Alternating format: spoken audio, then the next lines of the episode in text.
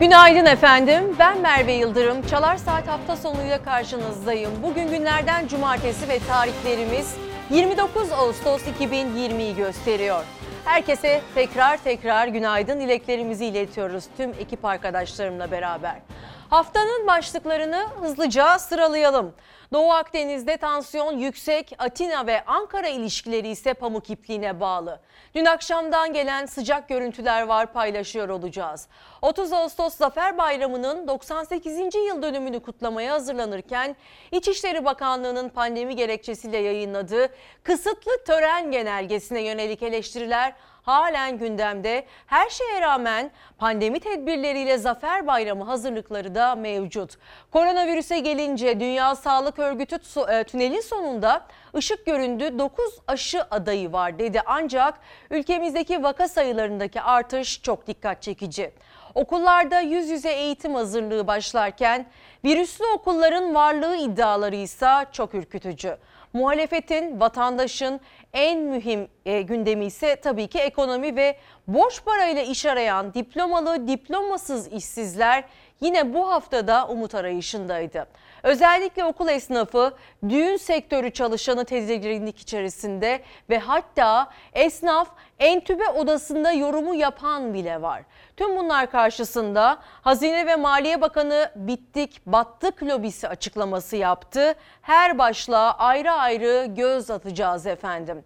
Ama ne yazık ki acı bir haberle başlıyoruz güne. Önce Ağrı'dan ardından Hakkari'den iki acı haber geldi. Bir askerimiz mayına basarak bir askerimiz ise görev yaptığı mevziden düşerek şehit oldu. Acı haber Yıldırım 3 operasyonunun devam ettiği Ağrı'dan geldi. Arama tarama faaliyeti yürüten güvenlik güçleri bölgede PKK'lı teröristlerin kullandığı bir mağara tespit etti. Mağaradaki yaşam malzemelerinin imhası sırasında patlama yaşandı. Mayına basan jandarma uzman çavuş Çetinak vücuduna isabet eden şarapnel parçalarıyla ağır yaralandı. Kaldırıldığı hastanede şehit oldu. Şehit Ak 35 yaşındaydı. Şehidin Türk bayraklı naaşı Erzurum Askeri Havalimanı'ndan askeri uçakla memleketi orduya uğurlandı. Şehit asker Ordu'nun Çaybaşı ilçesinde Çaybaşı stadında düzenlenen cenaze töreni sonrası toprağa verildi. İçişleri Bakanı Süleyman Soylu uzman çavuşun şehit düştüğü operasyon bölgesinde 5 teröristin etkisiz hale getirildiğini duyurdu. Sosyal medyadan yaptığı paylaşımda Kars Kağızman'da kahramanlarımız biri turuncu ikisi gri kategori toplam 5 teröristi bu ülkeye bir daha kötülük yapamayacak şekilde etkisizleştirdi diye yazdı. Piyade sözleşmeli er Ümit Çıkınsa 26 yaşındaydı. Hakkari Şemdinli'de görev yaptığı mevziden düştü. Şehit oldu. 6 yıldır görev yapan şehit Çıkın bekardı. Acı haberiyle yanan baba ocağına en son bir yıl önce gitmişti. Gaziantep'li şehit bugün memleketinde son yolculuğunu uğurlanacak. Şehitlerimize Allah'tan rahmet diliyoruz ve geride kalanlara da sabırlar diliyoruz efendim. Dün akşam Akdeniz'den sıcak bir görüntü geldi. Girit adasından kalkan ve Güney Kıbrıs Rum yönetimine doğru giden 6 F-16 uçağı tespit edildi. Milli Savunma Bakanlığı uçakların Yunanistan'a ait olduğunu ve Türk Hava Kuvvetleri'ne ait uçaklarla engellediklerini açıkladı. İşte o sıcak görüntüler şu anda e, Milli Savunma Bakanlığı'nın ulaştırmış olduğu görüntüleri izliyorsunuz. Yaşanan sıcak gelişmenin ardından bir açıklama da yaptılar. Açıklamada Türk Hava Kuvvetleri'ne ait radar sistemleri tarafından Girit adasına kalkan ve Güney Kıbrıs Rum yönetimine doğru giden 6 F-16 uçağı tespit edildiği belirtildi ve Navtex ilan edilen bölgeye yaklaşan söz konusu uçaklara gözle teşhis sağlamak ve bölgeden uzaklaştırmak maksadıyla Türk Hava Kuvvetleri'ne ait F-16 uçakları tarafından Kıbrıs Adası'nın güneybatısında önleme yapılmıştır denildi. Uçakların Yunanistan'a ait olduğu teş e, teşhis edildi ve bölgeden uzaklaştırıldı. Deniz ve Hava Kuvvetlerimiz Doğu Akdeniz'de de hak, alaka ve menfaatlerimizi korumak konusunda sonsuz bir kararlılıkla çalışmalarına devam etmektedir denildi.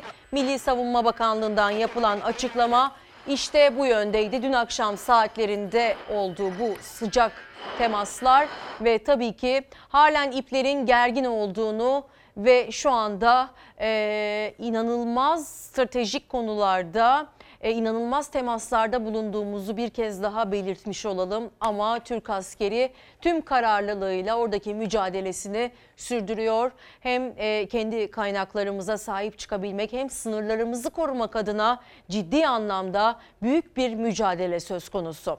Şimdi gazetelerimizle devam edelim efendim. Cumhuriyet gazetesiyle başlayacağız. Bu arada öncesinde bir açıklama, bir e, hatırlatma olsun. Bugün güne önlem şart hashtag ile başladık.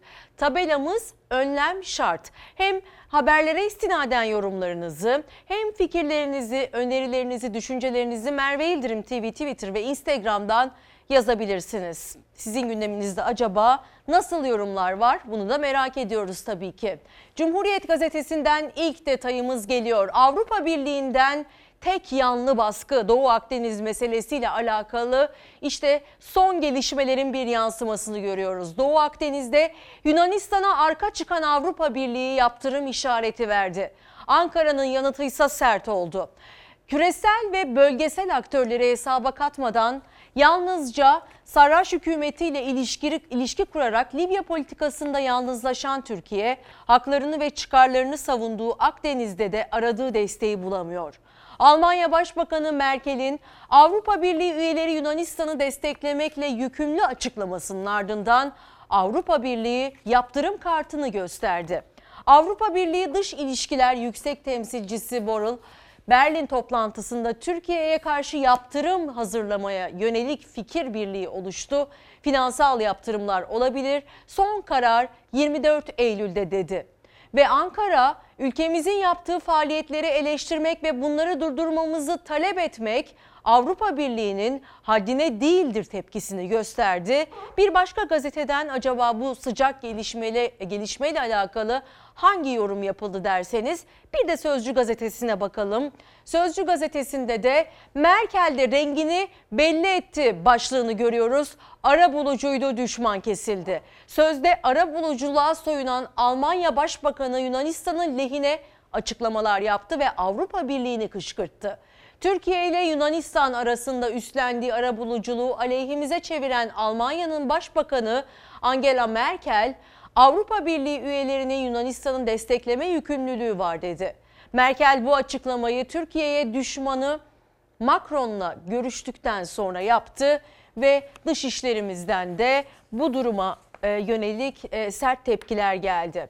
Doğu Akdeniz'de Yunan provokasyonu devam ederken Türkiye mavi vatanda geri atmıyor ve bu konuda da e, kararlı.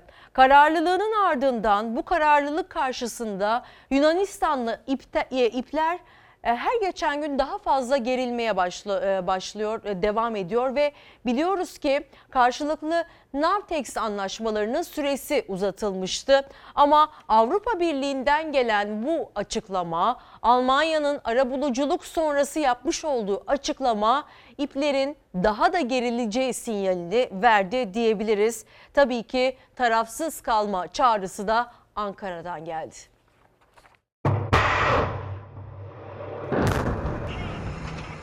Türkiye'nin sabrı sınanacak bir ülke olmadığını herkesin görmesini istiyoruz. Yaparız diyorsak yaparız ve bedelini de öderiz. Varsa bedel ödeme pahasına karşımıza çıkmak isteyen buyursun gelsin. Yoksa çekilsinler önümüzden. Yunanistan Mısır'la yaptığı korsan anlaşmayı parlamentoya taşıdı. Her fırsatta diyalog çağrısı yapan Türkiye, Atina'nın uzlaşmaz tutumuna res çekti, Oruç Reis'in görev süresini uzattı. Avrupa Birliği tarafını seçti. Türkiye'ye Doğu Akdeniz'de tek taraflı eylemlerden kaçınma çağrısı yaptı. Haddini aşıp yaptırımla tehdit etti. Ankara çok sert yanıt verdi. Brüksel'i Yunan ve Rum yönetimlerine destek verip gerilimi tırmandırmakla suçladı. Avrupa Birliği'nin ülkemizin kendi kıta sahanlığı içinde yaptığı hidrokarbon faaliyetlerini eleştirmesi ve bunları durdurmamızı talep etmesi haddine değildir. Bu konuda bir yetkisi yoktur. Ankara-Atina hattı gergin. Yunanistan, Fransa öncülüğündeki ülkelerin dolduruşuyla Doğu Akdeniz'de tehlikeli adımlar atmayı sürdürdü. Türkiye'nin Oruç Reis için yayınladığı yeni Navtex'e kendi duyurusuyla yanıt verdi. Kendince misilleme yaptı. Bazı ülkelerin dolduruşuna gelerek kendinizi risk atmayın. Yanlış adımlar atarsanız bu sefer elimizden bir kaza çıkmaz. Gereği neyse onu tereddütsüz bir şekilde yaparız. Yunan hükümeti Mısır'la yaptığı deniz yetki alanlarını sınırlandırma anlaşmasını ise parlamentoda oylamaya sundu. Ana muhalefetin çekimser kaldığı oylamada Ankara'nın yok saydığı anlaşma 178 oyla kabul edildi. Aynı saatlerde Milli Savunma Bakanlığı Atina'ya gözdağı gibi paylaşım yaptı.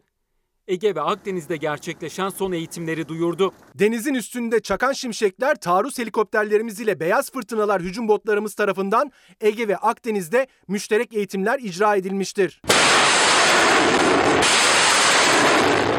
Milli Savunma Bakanlığı Oruç Reis paylaşımı yaptı.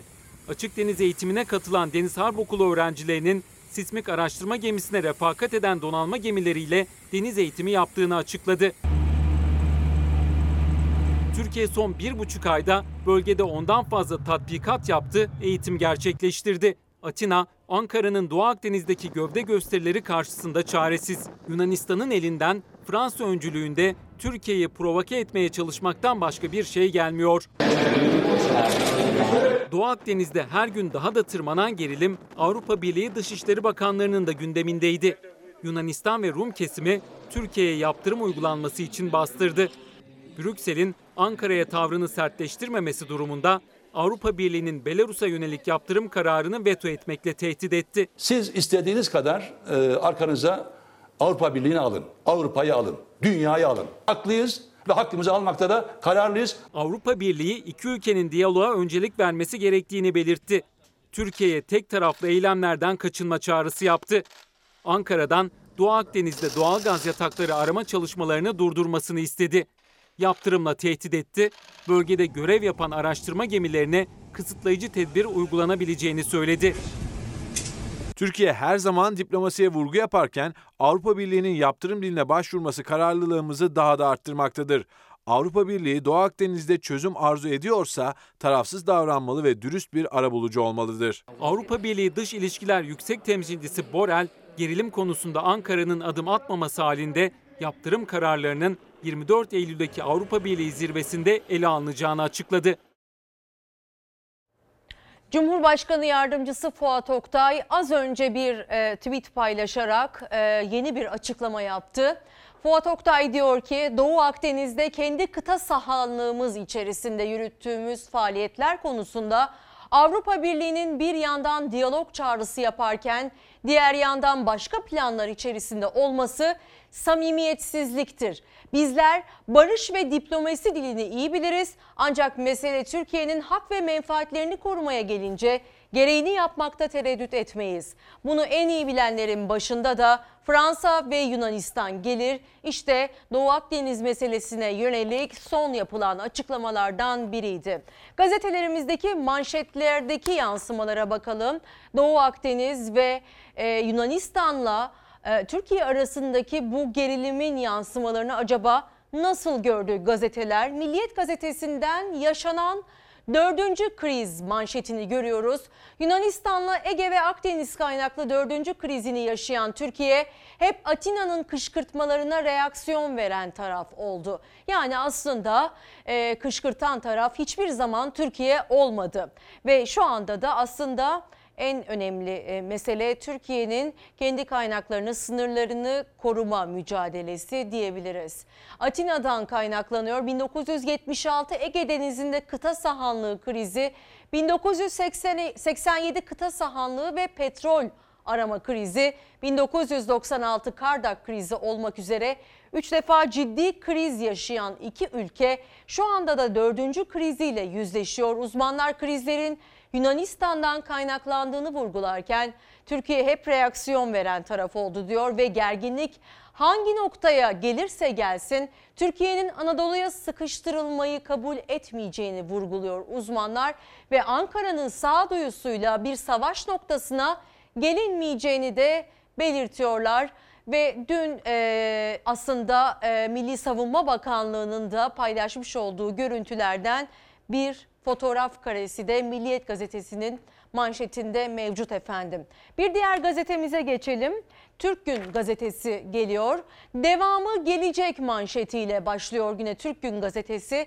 Cumhurbaşkanı Erdoğan sağda solda konuşulanlara hiç kulak asmayın diyerek Türkiye'nin kararlılığını bir defa daha ortaya koydu ve yeni müjdelerin sinyalini verdi. Yunanistan'a destek veren Almanya ve e, Türkiye'nin kazanacağı yönündeki açıklamaları Cumhurbaşkanı Erdoğan'ın malum Almanya en başından beri Yunanistan ve Türkiye arasında arabuluculuk görevini üstlenmişti. Ancak Avrupa Birliği ülkeleri ve e, diğer mevcut ülkelerde e, rengini e, dün yapılan açıklamalarla beraber belli etmiş oldu. Bir diğer gazetemiz gelsin. Yeni Şafak gazetesinin manşetinde diyor ki vur emri verildi. Avrupa Birliği'nin haddine değil Dışişleri Bakanlığı'nın yapmış olduğu açıklamalar sert tepki gösterdi Dışişleri Bakanlığı bu duruma. Doğu Akdeniz'de çatışma dahil her türlü seçenek için hazırlık hazırlık yapan Türk Silahlı Kuvvetleri angajman seviyesini gemi komutanına kadar indirdi. Gemi komutanları Oruç Reis ya da savaş gemilerine olası bir tacizde Ankara'ya sormaksızın anında karşılık verebilecek. Ki zaten kendi e, denize nazır şehirlerimizden de orada Türk askerinin sürekli devriye halinde olduğunu da gözlemleyebilen vatandaşlarımız var evlerinden. Ee, ve e, ciddi anlamda sıkı tedbirler doğrultusunda Atina'nın bu taciz e, e, aslında tacize yönelik hareketlerine de büyük bir kararlılıkla Türk Silahlı Kuvvetleri duruş sergiliyor efendim. Bir gün gazetesinde var mı? Yeni Mesaj gazetesinden de bir detay okuyalım sizlerle. Yalnız kaldık diyor Yeni Mesaj gazetesi. Doğu Akdeniz'de büyük bir mücadeleye girişmiş olan Türkiye bölgede giderek daha fazla yalnızlaşıyor. Bugüne kadar Fransa'nın aksine tarafsız bir söylem kullanan Almanya'nın şansölyesi Merkel, tüm Avrupa Birliği ülkeleri olarak Yunanistan'ı desteklemekle yükümlüyüz dedi. Tabii ki burada haklı, haksız göz önünde bulundurularak değil, sadece Avrupa Birliği ülkesi üyesi olduğu için Yunanistan onların yanındalar ki Merkel'in e, Merkel'in açıklamalarından da zaten durumun net olduğunu anlayabiliyoruz. Tüm Avrupa Birliği ülkeleri olarak Yunanistan'ı desteklemekle yükümlüyüz. Keşke dünya adil olsa ve keşke e, haklının yanında olabilse çoğunluk ama bu hiçbir zaman böyle olmadı. Ne ülke sınırlarımız dışında ne de ülke sınırları içerimiz, e, sınırlarımız içerisinde. Cumhurbaşkanı Yardımcısı Fuat Oktay bir açıklama yapmıştı az önce. Sosyal medyadan düşüncelerini paylaştı ve Doğu Akdeniz'deki meselelere istinaden e, konuşan bir diğer isimse Meclis Başkanı Mustafa Şentop. Hak ve hukukumuzu ne pahasına olursa olsun müdafaa edecek güce sahibiz dedi Mustafa Şentop. Açıklamaların diğer bölümlerine de kulak veriyoruz. Biz Türkiye Cumhuriyeti olarak gerek kara topraklarımız gerekse sudaki bize ait olan e, yerler buna mavi vatan diyoruz olmak üzere.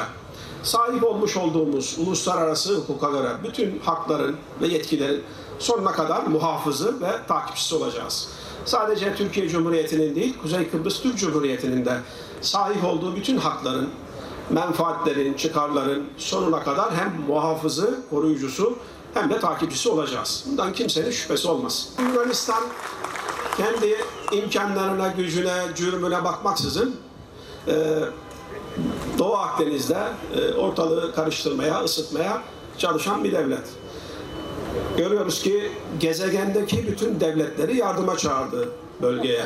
Gezegendeki bütün devletler e, yardıma çağırdı e, ve korktuğunu belli etmeyen bir tavırla açıklamalar yapmaya çalışıyor.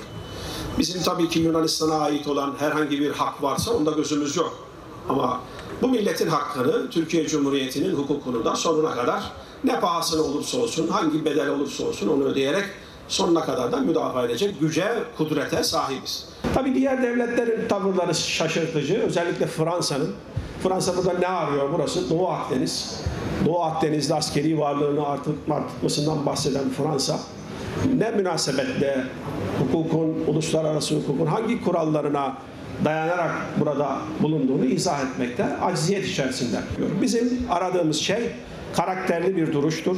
Uluslararası hukuka saygıdır. Her devletin kendi hakkını koruması ama başka devletin de hakkına, hukukuna saygı göstermesidir. Türkiye bunun sağlanmasını talep ediyor, ortaya koyuyor her zaman. Bunun sağlanması için de gereken neyse onu yapacaktır. Haftanın bir diğer en çok konuşulan meselesi 30 Ağustos bayramımızın pandemi sebebiyle kutlanmamasını e, gerektiren e, genelgenin yayınlanmasıydı ki hem kamuoyundan hem de muhalefetten oldukça sert tepkilerle karşı karşıya kaldık. Malum 98. kez 30 Ağustos Zafer Bayramı'nı kutluyor olacağız yarın.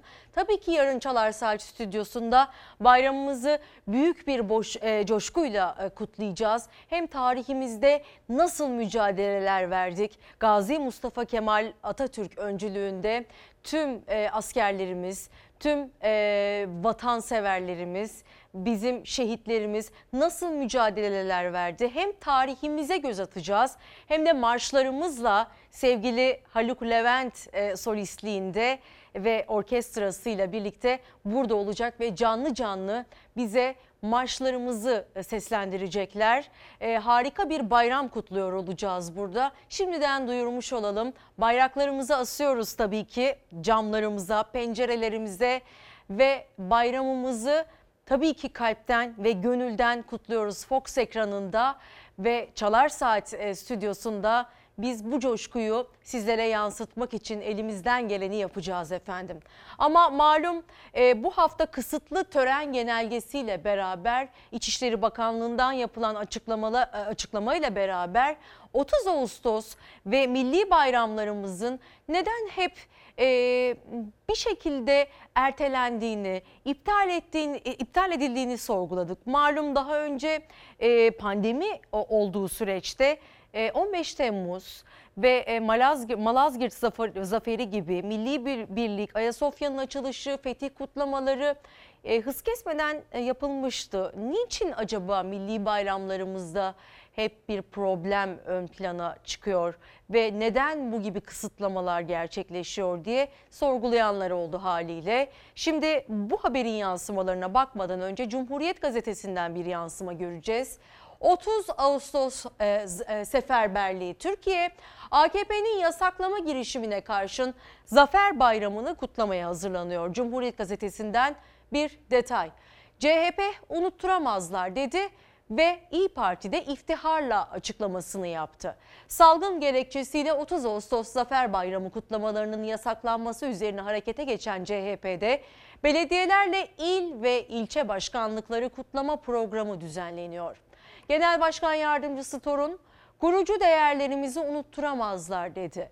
Ve İyi Parti Yerel Yönetimler Başkanı Ergun, bayramı iftiharla kutlayacaklarını belirtti. Belediyelerimiz salgın tehditlerine hassasiyet göstererek çalışma yapacak dedi. Ve 30 Ağustos günü saat 16'da yurttaşları Atatürk anıtları önünde buluşmaya çağırdı.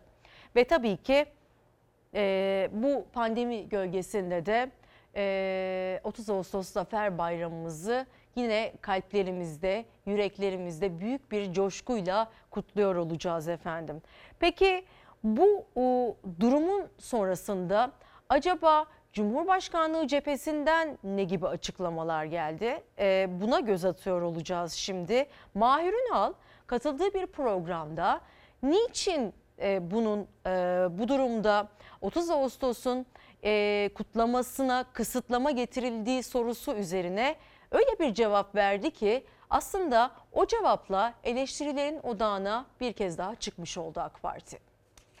Bizim milli bayramlarımızla ilgili herhangi bir sorunumuz söz konusu değil. 15 Temmuz kutlamalarını da hatırlarsanız e, henüz daha dördüncü yılında e, olduğu için erteleyemezsiniz. 15 Temmuz çok yeniymiş. Daha 4 yıl olmuş. O nedenle 15 Temmuz'u kutlamaktan vazgeçemezlermiş ama 30 Ağustos eskimiş. 30 Ağustos sizlerin kafasında eskimiş. 15 Temmuz daha taze bir olaydır. Kutlanmaması toplumsal sonuçlar doğurur gibi bir gerekçe ortaya koyması son derece mantıksız bir açıklamadır. Yani buna dense dense özlü kabahatinden büyük olmak denir. 30 Ağustos tören ve kutlamalarına getirilen kısıtlamalar tartışılırken AK Partili Mahir Ünal 15 Temmuz Demokrasi ve Milli Birlik Günü etkinliklerinde neden kısıtlama olmadığını anlattı. Tartışmanın içinden yeni bir tartışma çıktı. Milli bayramların kutlanmasına karşı olamayız. E, 15 Temmuz hassasiyeti çok sıcak ve taze olmasından kaynaklanan bir hassasiyet. Yeniymiş, eskiymiş gibi komik gerekçeler üreterek 30 Ağustoslara Cumhuriyeti kuran diğer tüm bayramlarımıza karşı alerjinize gerekçe üretmeye çalışmayın. Komik oluyorsunuz. Samimi olun. 15 Temmuz'u o, bence milli bayramlarımızın karşısına koymak, Malazgirt'i 30 Ağustos'un karşısına koymak doğru değil. Bir devlet adamının, devleti iyi yönettiğini iddia eden insanların kendilerine daha mantıklı gerekçeler bulması lazım. AKP'nin Atatürk söz konusu olduğu zaman kutlamalara çok iştahsız olduğunu artık bütün milletimiz biliyor. AK Parti Genel Başkan Yardımcısı Mahir Ünal Global Televizyonu'nda katıldığı programda 30 Ağustos Zafer Bayramı'nda geniş katılımların İçişleri Bakanlığı genelgesiyle kısıtlanması sorusuyla karşılaştı. Ayasofya açılırken, fetih kutlamaları yapılırken, 15 Temmuz tören ve etkinliklerle anılırken diye sorulan soruya Ünal'ın verdiği cevap muhalefetin tepkisini çekti. 15 Temmuz'u dördüncü senesinde kutlamamanızın e, toplumsal olarak başka sonuçları olur. 30 Ağustos bu milletin genlerinde. 30 Ağustos Cumhuriyet'in modernleşme projesini önünü açan büyük zafer. 30 Ağustos hiçbir zaman eskimeyecektir. 29 Ekim Cumhuriyet Bayramı'nı, 23 Nisan'ı, 19 Mayıs'ı ve 30 Ağustos'u kutlamakta AKP'nin ne kadar iştahsız, ne kadar isteksiz olduğunu milletimiz anlıyor. Yani kimse kimseyi kandırmaya çalışmasın. Muhalefet iktidarın 30 Ağustos kutlamalarına pandemi gerekçesiyle getirilen kısıtlamaya tepkiliydi. O kısıtlama için yapılan açıklamalar da tartışmayı büyüttü. Cumhurbaşkanlığı İletişim Başkanı Fahrettin Altun da 30 Ağustos devletin şanına yaraşır şekilde kutlanacak mesajını paylaştı. 30 Ağustos Zafer Bayramı kutlamaları gündelik ve suni tartışmaların şekillendireceği etkinlikler değildir. Söz konusu kutlamalar devlet ciddiyetine uygun bir şekilde aylar öncesinden yapılan planlamalara uygun bir şekilde icra edilecektir. Tartışmaların gölgesinde 30 Ağustos'ta pazar günü ilk tören Anıtkabir'de büyük taarruzun ve zaferin ebedi mimarı Ulu Önder Atatürk'ün huzurunda başlayacak. Erdoğan, Kılıçdaroğlu, Bahçeli, Akşener saygı duruşunda bulunacak. Cumhurbaşkanı tebrikleri Cumhurbaşkanlığı Külliyesi'nde kabul edecek. Oradaki tebrigata her yıl olduğu gibi Bahçeli'nin katılması bekleniyor. Dün e, pek çok vatandaş ve e, pek çok e, otorite bu konuyla alakalı son yapılan bu açıklamalı e, açıklamayla alakalı fikrini beyan etti. Onlardan biri de Engin Güner'di. 15 Temmuz 4. yıl dönümü yani taze olduğu için kutlanmış. 30 Ağustos eskiymiş. Peki bu saçma mantığa göre 949 yıl önceki Malaz, Malazgirt kutlamasına ne diyeceksiniz? İnsaf, milli bayramları da kutuplaştırmayın. Yoksa devlet olma vasfımızı kaybederiz, ayıptır, yazıktır diye e, özetleyici bir e, tweet paylaşmıştı. Bunu da paylaşmış olalım. Ve e, aslında bu hafta içerisinde konuyla alakalı Akşener ve Kılıçdaroğlu'nun da açıklamaları vardı. Kılıçdaroğlu Büyük Taarruz'un sembol isminin mezarını e, ziyaret ettiğinde açıklamalarını yaptı ve 30 Ağustos için milyonlarca insan can vermeye hazırdır dedi. Meral Akşener İyi Parti lideri ise Ayasofya kısıtlaştırıcı olmadı 30 Ağustos'ta olmalı diyerek e, olmamalı diyerek düşüncelerini dile getirdi ve Cumhurbaşkanı Erdoğan da tartışmaya girmedi. Malazgirt Zaferi e, kutlamalarında, anma törenlerinde de konuşmasında kısaca böyle mesajlar verdi.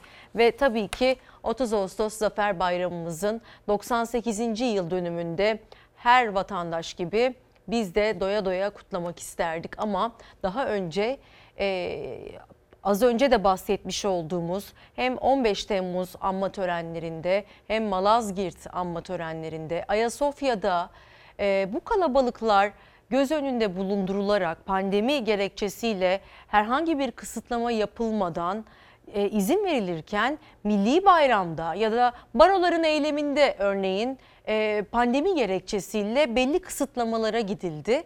Burada bir muamma olduğunu zaten aklı çalışan herkes e, muhakkak ki tartacaktır, ölçecektir. Milli değerlerimiz bizler için çok önemli. Milli bayramlarımız, bizi biz yapan, ulusumuzu birlikte tutan ve bizim derin tarihimizi görmezden gelmemiz mümkün değil. Bunu hafızalarımızdan silemeyiz ve eğer bayramı kutlamak için bir kısıtlama varsa dahi bunu kalplerden silmek mümkün değil zaten.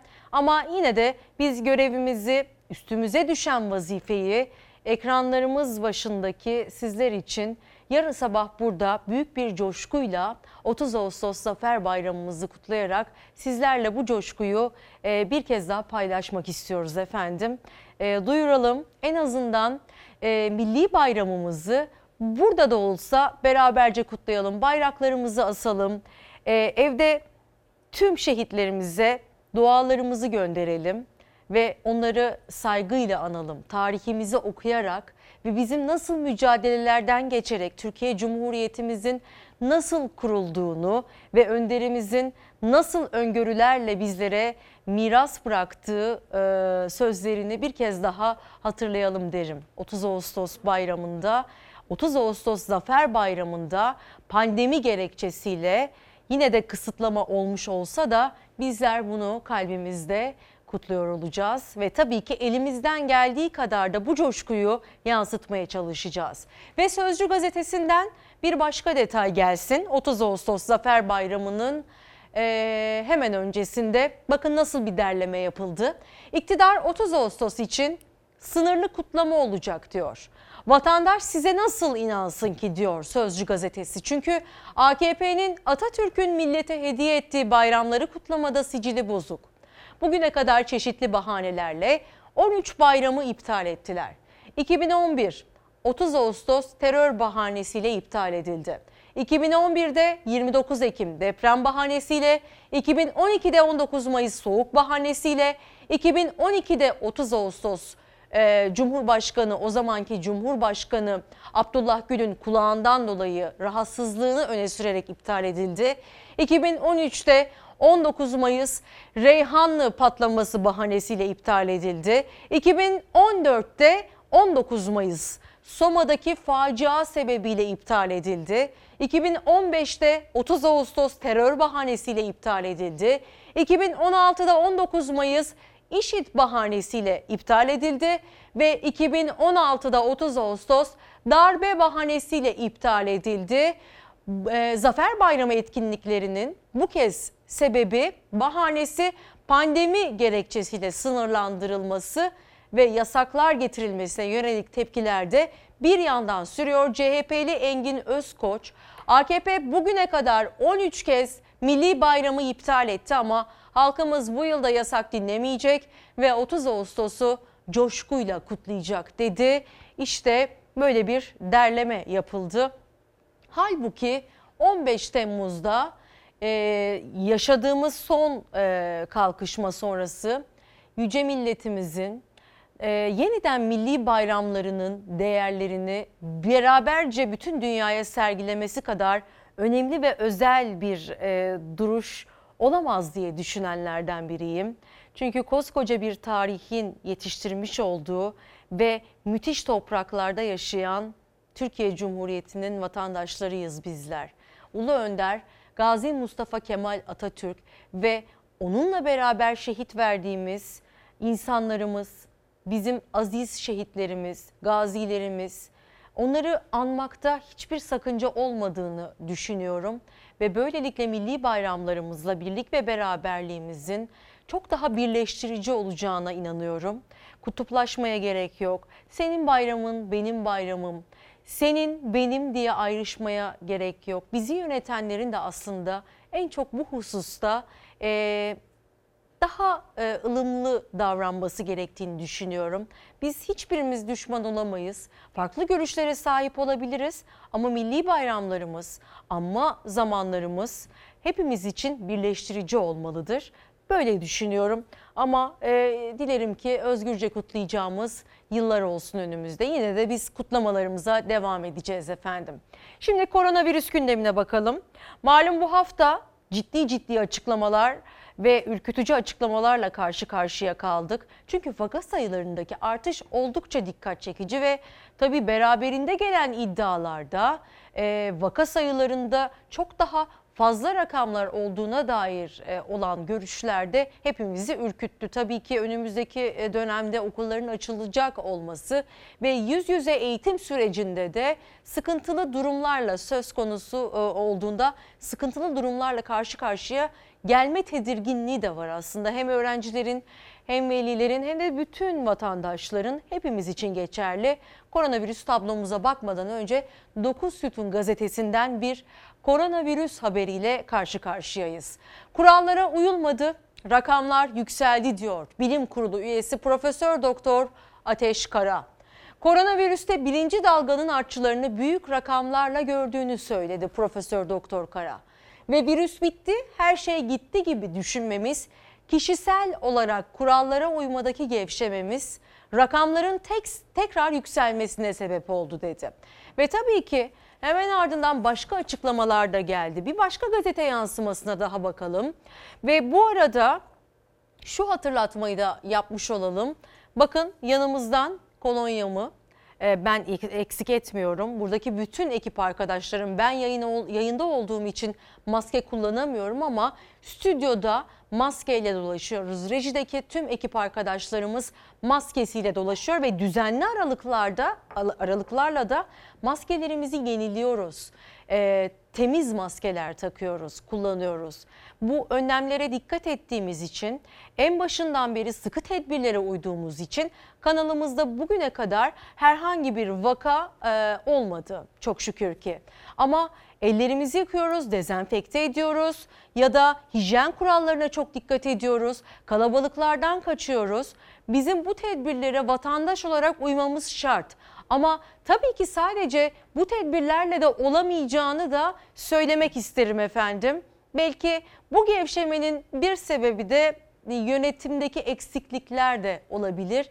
Bu konuda da aslında yapılması gerekenlerin yapılması gerekiyor tabii ki e, ekonomi olarak bunu e, kaldırabilecek güçte değiliz. Evlerimize kapanabilecek güçte değiliz. Hiçbir şekilde zaten dünyanın hiçbir ülkesi buna şu anda müsait değil. Hayat devam etmek zorunda. Çarklar dönmek zorunda. Ancak en azından başka türlü kısıtlamalarla belki başka türlü önlemlerle sadece vatandaşa yıkmadan tüm sorumluluğu bu koronavirüs belasından çıkmak için yollar arayabiliriz diye düşünüyoruz efendim. Evet Fahrettin Koca'nın Sağlık Bakanı Fahrettin Koca e, en başından beri hem sağlık çalışanlarımızla beraber hem de e, Sağlık Bakanı Sayın Fahrettin Koca çok e, önemli bir mücadele yürütüyor. Tarihte belki de görülmemiş bir mücadele bu. Ee, onlara tabii ki çok teşekkürlerimizi sunuyoruz ama e, elinden geldiği kadar sosyal medyadan uyarılarını yapmaya gayret ediyor. Kısıtlamalar galiba biraz daha e, sıklaştırılmalı diye bir manzara var karşımızda. Uzmanlar bu görüşte en azından. Fahrettin Koca dün yapmış olduğu açıklamayla birlikte 1517 hastamız daha var dedi ve iyileşenlerin sayısı binden fazla diye devam etti. Aktif hasta sayımızda ağır hasta sayımızda artmaya devam ediyor. Bugün 36 can daha kaybettik. Hasta sayısını da can kayıplarını da azaltacak olan tedbirlere uyumdur diyor Covid-19 salgınıyla alakalı işte bu açıklamaları yaptı. Hasta sayısı 1517 idi ve iyileşen sayısı da 1017 olarak açıklandı. Vaka sayıları artıyor. Peki başka hangi detaylar var? Ve 36 e, vatandaşımız daha e, can canını kaybetmişken bizim ne yapmamız gerekiyor? İşte haberimizdeki son koronavirüs detayları. Günlük test sayısı yükseldi, 107 bini geçti. Vaka sayısı arttı. 1500'ü aştı. Ağır hasta sayısı da arttı. En acısı da hayatını kaybedenlerin sayısı arttı. 28 Ağustos tablosunda tam 36 kişiyi salgına kurban verdik. İyileşenlerin sayısı ise neyse ki binin üzerinde. Sağlık Bakanı Fahrettin Koca yine tedbirlere uyun mesajı verdi. Şikayetlerinizde ateş var mı? Yok. Fahrettin Koca dün 6 ilin Rize, Van, Ordu, Kütahya, Eskişehir, Ağrı valileriyle, il sağlık müdürleriyle video konferansta buluştu. Vaka artışlarının sebeplerini ele aldıklarını, filyasyon ve tedavilere süratle başlanması talimatı verdiklerini açıkladı. Ankara'nın başı çektiği bazı illerdeki vaka artışları da alarm veriyor. Başkentte yüksek riskli ilçeler, nüfus yoğunluğunun fazla olduğu Pursaklar, Sincan, Keçiören, Gölbaşı, Çankaya ve Yeni Mahalle koronanın en çok görüldüğü noktalar. 14 ilde düğün ve nikahların en fazla bir saatle sınırlı tutulması kuralına birçok ilde uyulmadı. Bu görüntüler koronavirüs vakalarında artışın en çok yaşandığı illerden biri olan Diyarbakır'dan. 70 kişi halay çekti. Çoğunda maske de yoktu. Olanlardaysa zaten çene altındaydı. Sosyal mesafe kuralı da hiçe sayıldı. Bursa'nın İnegöl ilçesindeki bir düğünde piyanistin hadi herkes piste oynamayan korona olsun inşallah sözleri de aslında durumun ne kadar ciddiye alındığını ortaya koydu. Hem bilim kurulu üyeleri hem de tüm doktorlar ısrarla maske mesafe çağrısı yapıyor. Cumhurbaşkanı Erdoğan da cuma namazı için gittiği Çamlıca Camisi'nde cemaate seslendi. Bu salgın döneminin içerisinde sizler de bizim istirhamımız lütfen bu uyarılara dikkat edersek çok çok isabetli olacaktır. Hayırlı olacaktır. Zira gerek bu vefatlar, gerek hastanelerdeki bu yatan kardeşlerimiz, bunlar bizler için, ülkemiz için, milletimiz için birer uyarı. Koronavirüs yansımalarına şimdi de gazetelerimizden bakıyoruz. 9 Sütun gazetesinden ilk detayımız gelsin. Koronavirüs hastası isyan etti. Sağlık Bilimleri Üniversitesi Gülhane Eğitim ve Araştırma Hastanesi yoğun bakım servisinde 6 gündür koronavirüs tedavisi gören 54 yaşındaki Remzi Özbay bugünler gönül koyulacak günler değil. Bütün köyleri halay sarmış, halay ne diyerek herkesi virüse karşı dikkatli olması konusunda uyardı. Evet, ee, düğünlerin hız kesmeden devam ettiğini, yapıldığını görüyoruz. Buna tanık oluyoruz. Bazı kısıtlamalar getirildi bu hafta içerisinde ama önemli olan tabii ki evlenmek için e, tarihinizi ertelemek durumunda değilsiniz. Ama en azından bu tip durumlarda koronavirüsle mücadele ederken halay çekmemeyi e, tercih etmemiz hepimiz açısından çok daha iyi olur. Eminim ki siz izleyicilerimiz de çevresinden pek çok e, vaka ve pek çok haber almışsınızdır. E, örneğin ben geçtiğimiz haftalarda bir arkadaşımın kuzeninin düğününe e, gitmedim ve ardından şöyle bir duyum aldım. O düğüne giden 30 kişi koronavirüs e, kaptı. Ne yazık ki yakın çevremizden de bu haberleri alabiliyoruz. Bu işin şakası yok. Ve özellikle de düğün, sünnet düğünü, nişan, bekarlığa veda partisi, doğum günleri, kına geceleri belki sonraya bir sene sonra da yapabilirsiniz. Ya da e, yapmadan da evlenilebilir. Bu hepimizin sağlığı için sevdiklerimizle daha sağlıklı, daha uzun yıllar geçirebilmek adına lütfen dikkat edelim. Ee, önemli bir husus hem e, sağlık çalışanlarımız için hem kendi canımız için hem sevdiklerimiz için hem de e, tüm Dünya Sağlık Örgütü'nün yaptığı açıklamalarla beraber bu kurallara uymak zorundayız. Lütfen bir süre halay çekmeyelim efendim. Şimdi Karar Gazetesi'nden geliyor ee, bir detay daha. Davetiye, davetiyedeki virüsü gördü dikkat çekici bir başlık. Şimdi haberin detaylarına bakıyoruz. Sakarya'da bir sağlık görevlisi düğün davetiyesindeki ismi görünce gelinin babasının bir hafta önce karantinaya alındığını fark etti. Ve düğüne iki gün kala gelinin Covid-19 olduğu tespit edildi. İşte gözden kaçmaması gereken bir husus Ee, kahramanın dikkati onlarca e, kişiyi virüsten korudu. Ee, Arifiye ilçesinde karantinada tutulan biri kişinin kızı düğün davetiyesi dağıttı. Sağlık görevlisi gelinin babasının adını hatırladı ve adamın karantinada olduğu ortaya çıktı. Filyasyon ekibi geline ulaşıp Covid-19 testi yaptırdı ve düğüne iki gün kala sonucu pozitif çıkan genç kadın izolasyona alındı. Düğün ertelendi. Filyasyon koordinatörü Doktor Selin Tunalı belki de yüzlerce kişinin pozitif olmasını engelledik dedi. Aslında kişilerin sadece e, tesadüfe bırakmaması gerekiyor bu durumu. En başta kendi doktorumuz olacağız. Ya gözden kaçsaydı işte yüzlerce kişi Covid-19 virüsüne yakalanmış olacaktı. Bu gibi ihmallerden kaçalım. En başta kendimizi kontrol edelim. En başta kendi sınırlarımızı koruyalım. Kendi hijyenimizi sağlayalım ve görüştüğümüz, temas ettiğimiz kişilerle mesafeli duralım. Kimse kimseye kırılmamalı. Ee, hem akrabalarımız için geçerli, hem arkadaşlarımız, dostlarımız için geçerli. Niçin görüşmüyoruz? Niçin bu davetime gelmedin diyenler varsa onları da uyarın. Darılmaması gerektiğini söyleyin.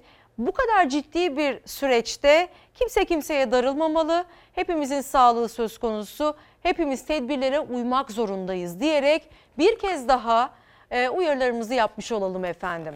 Şimdi sırada doktorlarımız var. Aslında okuduğum haberin detaylarını göreceksiniz. Buyurunuz.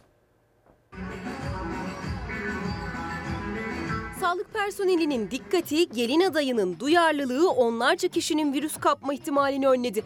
Davetiyedeki detay düğünü iptal ettirdi ama belki de onlarca kişinin hayatını kurtardı. Yaptığımız araştırma sonucunda e, pozitif vaka olduğunu fark ettik. Kişileri bir, tekrar görüştük. Uyarılara, artan vaka sayılarına rağmen önlemler göz ardı edilmeye devam ediyor. Özellikle düğünler Covid-19'un en rahat yayıldığı alanlar. Sakarya'da bir sağlık çalışanı eline geçen davetiyedeki ismi karantinaya alınanların arasında gördüğünü hatırlayınca harekete geçti. Gelinin babasıydı. Ekiplerimiz bu şekilde bir vakayı e, tespit etmişlerdi. Tedavisi düzenlenmiş ve e, izolasyonu sağlanmıştı. Daha sonra farklı bir ilçedeki e, bir sağlık e, personelimiz tespit ettiği, gördüğü bir davetiyedeki e, isim benzerliğinden dolayı bize başvurdu. E, acaba aynı kişi olabilir mi? Hani bir düğün varmış hafta sonu. E, aynı kişi olabilir mi diye bize danıştı. Biz de biraz daha detaylı bir şekilde araştırmaya başladık. E, gelin adayıyla e, iletişime geçtik. E, kendisi aslında pozitif olan kişinin babası olduğunu biliyorduk. E, ama babasında çok yakın temasları yoktu. O yüzden temaslı olarak eklememiştik. Ama kalabalık bir ortam olacağı için ve e, bulaş olma ihtimali olduğu için e, kendisini bilgilendirdik ve test yapılmasının uygun olacağı bilgisini verdik. Gelin adayı temas listesinde değildi ama yine de işi şansa bırakmadı. O da test yaptırdı. Kişinin pozitif sonucu geldi elimizde ve böylece çok büyük bir e, kalabalıkta bulaş ihtimalini engellemiş olduk. Gelin adayı dört gözle beklediği düğünü erteleme kararı aldı karantina altında. Türkiye'nin dört bir yanından gelen düğün görüntülerinin bir benzerinin olmasının da olası bulaş durumunun da önüne geçildi. Dikkati için gerçekten tebrik etmemiz gerekiyor. Ee, Şimdi kısa bir reklam arası veriyoruz. Dönüşte tekrar buradayız. Hem ekonomi haberlerine hem sıcak gelişmelere birlikte göz atacağız. Hem de önlem şart etiketiyle yazmış olduğunuz mesajlarınıza yer vereceğiz efendim. Merve İldirim TV, Twitter ve Instagram'dan yazabilirsiniz. Reklam arası veriyoruz. Efendim tekrar tekrar günaydın dileklerimizi iletiyoruz. Bugün günlerden cumartesi, tarih 29 Ağustos 2020'yi gösteriyor. Yarın e, 30 Ağustos Zafer Bayramımızı burada büyük bir coşkuyla kutlayacağız. Pek çok temenni gelmiş. Herkes iyi bayramlar dileklerini iletiyor. Milli bayramlarımız bizim için gerçekten çok önemli ve hiçbir zaman kutlamayı, kutlamayı da ihmal etmeyeceğiz. Günümüze önlem şart e, etiketiyle başladık ve sizden gelen birkaç yorumu hemen okumak istiyorum. Hala bireylerin kendilerine önlem alarak salgını yeneceğine inanan bir bakanımız var. Almalı evet ama herkes önlemini alarak bu işi çözemiyoruz. Herkes önlemini alsa bile bu işi çözemiyoruz diyor. E, nereye kadar tedbir diyeceğiz artık bunu da merak ediyorum diyen bir izleyicimiz var. Ahmet Bey özellikle birinci sınıfa başlayacak bir e, kızı varmış ve çok endişeli olduğunu dile getiriyor. Malum eğitim dönemi başlıyor ve eğitim döneminin yüz yüze eğitimin başlamasıyla beraber nasıl bir manzara ile karşılaşacağız? Hepimizin aklında bir soru işareti bu. Ve Burak Bey de diyor ki şimdiden 30 Ağustos Zafer Bayramımız kutlu olsun. Ee, bir başka izleyicimiz de Covid-19'un izole süresi 14 gün olduğuna göre ülke genelinde 14 gün sokağa çıkma yasağı ilan edersek belki sorunu kökten çözmüş olabiliriz diyenlerden biri. Ve Muhammed Bey de önlem şart, millete bırakılmamalı sadece ve bazı kararlar alınmalı. Çünkü herkes duyarlı olamayabiliyor diyenlerden biri. Aslında e, bir de e, evet bir önemli mesaj daha var. Akrabamız düğününe e, gitmiyoruz diye bize gönül koydu diyor. Yani anlayacağınız korona geçersiz bir bahane olarak görünüyor. Pek çok insan e, için bu geçerli. Ciddiye alınmıyor diyenlerden biri. Kimse kimseye küsmemeli, kimse kimseye gönül koymamalı, darılmamalı. Bu aslında içinde bulunduğumuz süreç için en mühim mesele. Düğünlere, organizasyonlara katılamayanlar için e, hiçbir şekilde bir e, tepki göstermememiz gerekiyor. Bunu da bir kez daha belirtmiş olalım. Bugün sizin oralarda havanız nasıl acaba? Bizim buralardaki manzaramızı tabii ki sizlerle paylaşıyoruz. Sabah saatlerindeyiz efendim. Saat 9.36'yı gösteriyor. Manzaramızı gösterecek miyiz Hilal'cim? Evet şu anda Zeytinburnu Kazlıçeşme sahildeyiz efendim. Sokaklar, sahil boş diyebiliriz. Birkaç kişi sabah sporunu ihmal etmeyenler her zamanki gibi yürüyüşlerini, koşularını gerçekleştiriyorlar. Ama Ağustos ayının gelmesiyle beraber acaba sonbahara girişimiz nasıl olacak diye merak edenler var. Sıcak hava dalgasının etkisine giriyor aslında Türkiye diyebiliriz. Eylül ayında da Yine bazı illerimiz sıcaklık derecelerindeki yükselişe tanık olacak. Peki diğer e, illerimizde hava nasıl? İşte memleket havamız. Sıcak hava kavuruyor. Tatil beldelerinde plajlar serinlemek isteyenlerle dolup taşıyor. Uzmanlara göre sıcaklık 5 ila 8 derece daha artacak. Türkiye, Cezayir ve Libya çölleri üzerinden gelecek. Sıcak hava dalgasının etkisi altına girecek.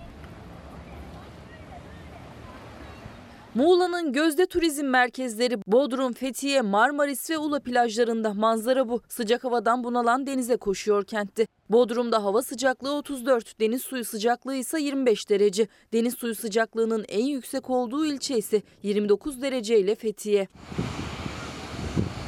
Sıcak havalar etkisini devam ettirirken meteoroloji son hava durumu tahminlerini açıkladı. Yapılan son değerlendirmelere göre Marmara bölgesinde hafta sonu hava sıcaklığı mevsim normallerinin 4 ila 8 derece üzerine çıkacak. Türkiye bugünden itibaren güneydoğu yönünde etkili olacak Basra alçak basıncının etkisi altına girecek. İstanbul'da hava sıcaklığının 32 derece civarında olması bekleniyor. Akdeniz ve Ege bölgesinde de sıcaklıkların 40 dereceye ulaşması bekleniyor. Yurdun iç kesimlerinde ise sıcaklık pazar gününden itibaren 35 dereceyi bulacak. Karar gazetesinden bir detay, üzücü e, haber maddelerimizden biriydi ve 3 e, askerimizin şehit olmasıyla 5 e, vatandaşımızın yaşamını yitirmesiyle sonuçlanan bir felaketti. Aslında ihmaller doğrultusunda yaşadığımız felaketlerden biriydi Giresun'daki sel felaketi. Karar gazetesinden işte bir yansıma.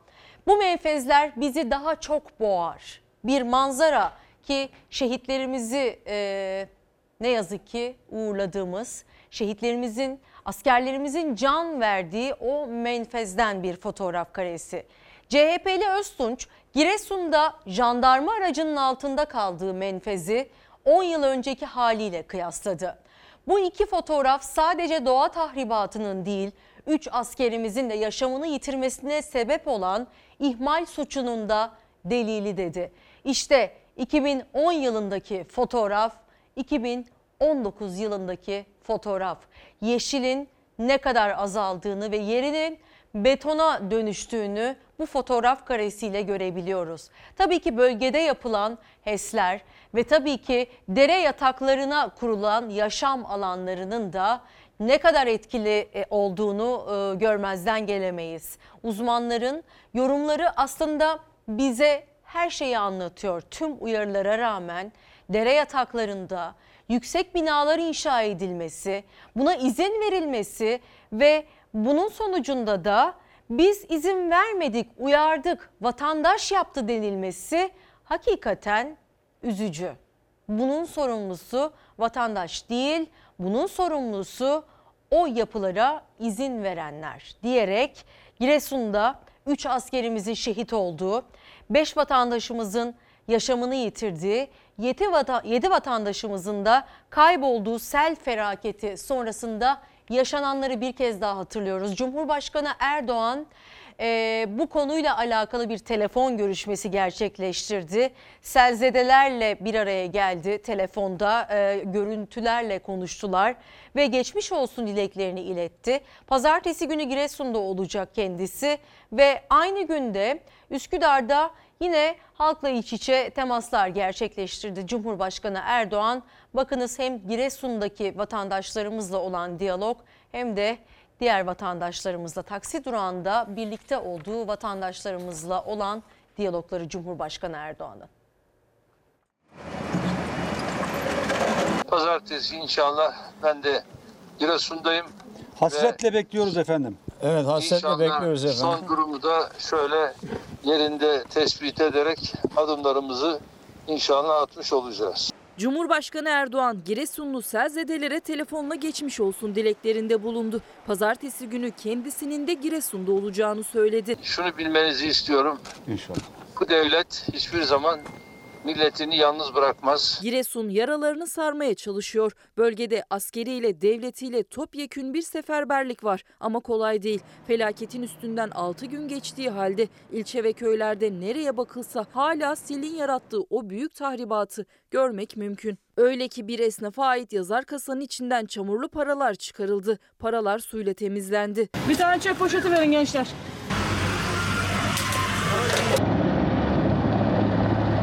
Doğankent ilçesinde ise evlerinde mahsur kalan aynı aileden ikisi engelli 6 kişi selin yaşandığı akşamın sabahında jandarma tarafından helikopterle kurtarıldı. Korktunuz mu yani? Ya korkma demek ne demek yani titredik bile yani gideceğiz diye.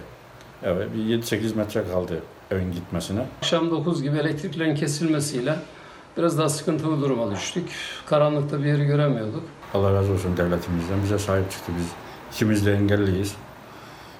Yürüyemiyoruz yani bizi sırtla dahi götürmeye çalışsalar götüremezler. Bakanlar da hala bölgede. Köyleri ve ilçeleri gezdiler. Bölgede yapılan çalışmalar ve selzedelere verilecek olan destekler hakkında bilgi verdiler. Yaklaşık şu ana kadar 5 gün geçmiş olmasına rağmen 200 kilometre yakın e, köy yollarında düzenleme yaptık. Bugün sabah itibariyle bölgemize 5 milyon lirayı transfer ettik. Cumhurbaşkanı Erdoğan da Tarım ve Orman Bakanı Bekir Pakdemirli'nin cep telefonu aracılığıyla Espiyeli köylülerle görüştü. Oraya gelip şu son durumları yerinde bir etüt edelim diyorum.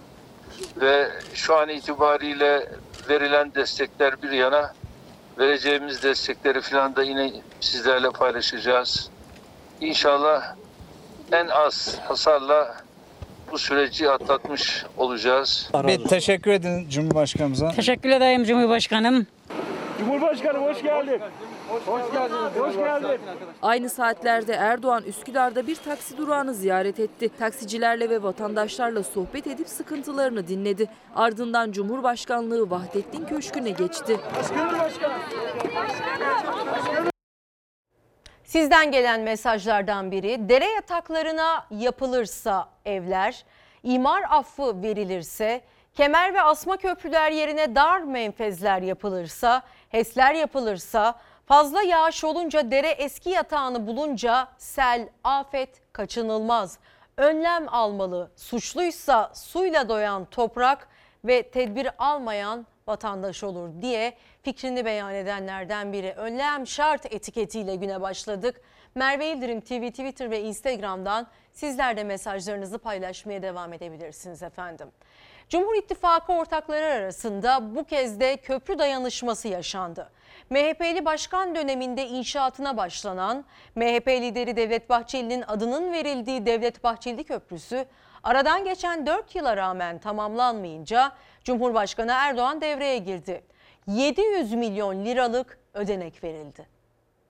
Hayırlı olsun Adana. Evet oradan da temelimiz dökülüyor.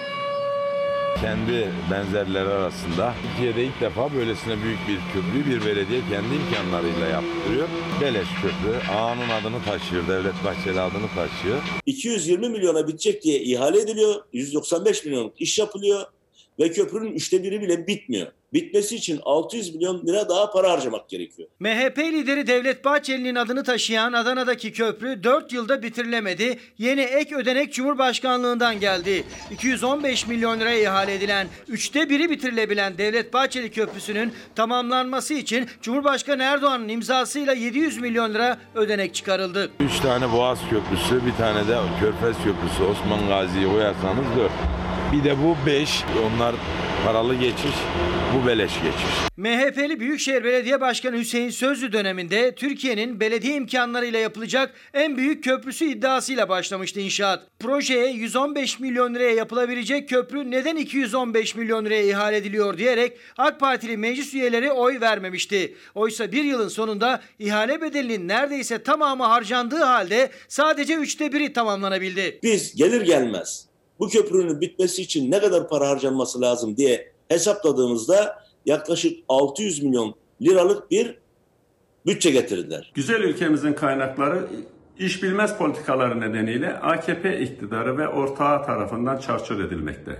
Neredeyse bu kaynaklar talan edilmekte ve bir avuç rantiyeciye peşkeş çekilmektedir. Ödenek yokluğundan inşaatı yarım kalan Devlet Bahçeli Köprüsü için bu kez devreye Cumhurbaşkanı Erdoğan girdi. Erdoğan'ın 20 Ağustos imzalı onayıyla 2020 yatırım bütçesine alınması kararlaştırıldı köprü inşaatının. Dediler ki bana bu yüklenici müteahhit ya biz bunu bakanlıkla görüşüp Bayındırlık Bakanlığı'na devredersek, karayollarına devredersek siz bundan alınır mısınız?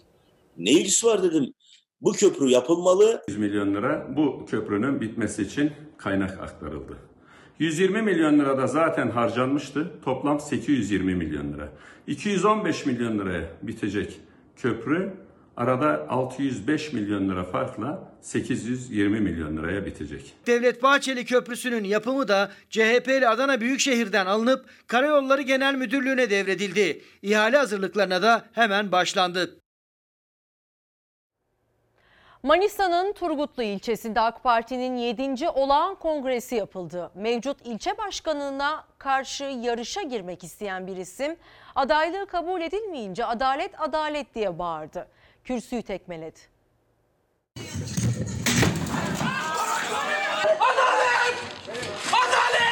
Kürsü bir tekmeyle yerle bir oldu. Adalet çığlığı yükseldi. AK Parti'nin Manisa Turgutlu ilçesi kongresinde ortalık bir anda karıştı.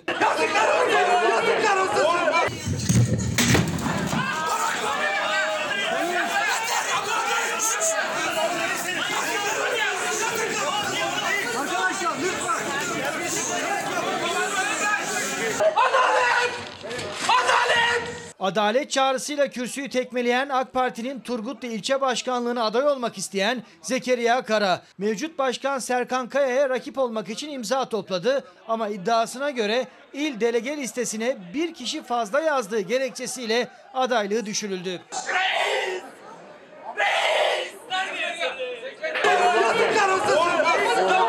Bırak gidiyorum bırak. Bir bahane aradılar. Sonunda bahaneyi e, 61 değil de 62 yedek yazdığımızdan bir fazla yazdığımızda buldular bahaneyi. Aday olma hakkımız vardı. Girsek o seçime kazanamayacaksak zaten kazanamayacağız. AK Parti Turgutlu ilçesi 7. olağan kongresinde AK Parti kongrelerinde alışık olunmayan gerilim yaşandı. Adaylığı düşürülen Zekeriya Kara'yı uzun süre sakinleştirmek mümkün olmadı. Reisin sırtında kambur. Bunlar hepsi tezgah. Bunlar adamının adamı, adamının adamı, adamının adamı. Adam kendi yerini korumak için kendi adamını getiriyor. AK Parti'nin Turgutlu ilçesinde ilçe başkanlığını rakipsiz girdiği yarışta yine mevcut başkan Serkan Kaya kazandı. İyi Parti Genel Başkanı Meral Akşener Halk TV'de Şirin Payzı'nın konu oldu. Hem Cumhurbaşkanlığı seçimleri hakkında konuştu hem de adaylıkla alakalı açıklamalar yaptı. Cumhurbaşkanlığı e, adaylığı konusuna gelince çok samimi bir şey söyleyeyim. Elbette olmayı çok isterim herkes gibi. Çok iyi e, işler yapacağıma da yapacağımıza da güveniyorum, inanıyorum. Bu başka bir şey. Ama Cumhurbaşkanlığı konusuna gelinceye kadar çok zaman var. Ne zaman seçim olacağını bilmiyoruz. Sonuçta bir Millet İttifakı diye bir kavram var. Biz onun bir parçasıyız. Sonuç itibariyle e, elbette o karşılıklı konuşularak oluşacak bir şey olduğu için ama şunu söyleyeyim. Cumhurbaşkanı olacağım diye Türkiye'nin geleceğiyle oynamayacağım. Bu arada Meral Akşener özellikle e, son zamanlarda e, halkın arasında pek çok temaslar gerçekleşiyor. Birebir diyaloglar e, kurmayı tercih eden siyasilerden biri ve e, almış olduğu Cumhur İttifakı'ndan almış olduğu teklifle beraber de aslında en çok konuştuğumuz e, siyasi liderlerden biri. Bu arada Ali Babacan, Deva Partisi lideri Covid-19'a e, yakalandığını bu hafta duyurmuştu ve e, çalışmalarını da evden e, yürüteceğini açıklamıştı. Ona da buradan geçmiş olsun dileklerimizi iletelim. Bir gün gazetesinden bir detay göreceğiz şimdi. Hemen geliyor. Virüslü okullar tehlikeli. Az önce bir velinin aslında mesajını paylaştığımızda ne kadar endişeli ve tedirgin olduklarını anlamıştık. Eminim ki tüm öğrencisi olan, çocuklarını okula yollayacak olan veliler aynı tedirginlik ve endişe içerisinde ki bu haberle birlikte biraz daha belki endişemiz artabilir diye düşünüyorum. Virüslü okullar tehlikeli diyor çünkü eğitim senin raporu 96 okula daha virüsün sıçradığını belirtiyor. Virüslü çalışanın bulunduğu eğitim kurumu sayısı 176'ya yükseldi ve Milli Eğitim Bakanlığı ise bu duruma sessiz. Eğitim Sen'in yapmış olduğu araştırma ve paylaşmış olduğu rapor işte bu yönde. Yeni Asya gazetesinden de bir başka detay gelsin. 463 milyon çocuk eğitimden mahrum. Salgın sebebiyle dünya genelinde okullar kapalı. UNICEF koronavirüs tedbirleri kapsamında okulların kapatılması sebebiyle dünyada yaklaşık 463 milyon öğrencinin eğitim alamadığını belirterek hükümetlere okulların açılmasının öncelikli olması çağrısında bulundu. UNICEF yaklaşık 1,5 milyar çocuğun okula gidemediğine dikkat çekti. Uzaktan eğitimden faydalanamayan ülke sınırlarımıza baktığımızda milyonlarca öğrencimiz var ve burada eğitimde fırsat eşitsizliğinin ne kadar net olduğunu da gözlemliyoruz. Tabii tüm bu tartışmaların yanı sıra 21 e, Eylül'de okulların yüz yüze eğitime başlayacak olması konusunda da bazı çalışmalar mevcut. Hafta başından bu yana öğretmenler ve okul yöneticileri yeni eğitim ve öğretim yılına hazırlıklar yapmaya gayret ediyor. Ama şimdiden okullarda vakalar görülmeye başlandı ve eğitim senin yapmış olduğu açıklama da yapmış olduğu araştırma da daha çok tedirginlik veriyor aslında. Şu anda Covid tanısı konulan veya tanı konulan kişiyle temas eden arkadaşlarımızın bulunduğu okul sayısı 140'ın üzerine ulaşmış durumda. Henüz okullar açılmadı ama okullarda vakalar görülmeye başladı bile. Öğretmenlerin yeni eğitim öğretim döneminde hazırlık için okullara gitmesiyle birlikte bu hafta 176 okulda pozitif vaka ya da pozitif vakayla temaslı eğitimci tespit edildi. Bir kez daha gördük ki okullarımız yüz yüze eğitim için hazır değil. Yüz yüze eğitimin 21 Eylül'de başlaması planlanıyor. İlk ders dilinin çalacağı gün için okullarda hazırlıklar sürüyor. Okul yöneticileri ve tüm öğretmenler hafta başından bu yana mesleki gelişim programı için okullardaydı. Gerekli önlemler alınmadan ve mesleki çalışmaların uzaktan erişimde de yapılması mümkünken öğretmen arkadaşlarımız okullara çağrıldı. Eğitim Sen bu kısa süre içinde birçok ilden karantina altına alınan ve koronavirüs tanısı konulan eğitimcilerin olduğunu duyurdu ve o okulların listesini il il isim isim paylaştı. Tespit edilen okul sayısı önce 34'tü. Bir sonraki gün 46 okul daha eklendi ve bugün 96 okul daha listeye girdi. Pozitif vaka tespit edilen ya da pozitif vakayla temaslı eğitimcinin olduğu okul sayısı 176'ya yükseldi. Milli Eğitim Bakanlığı COVID tanısı konulan veya tanı konulan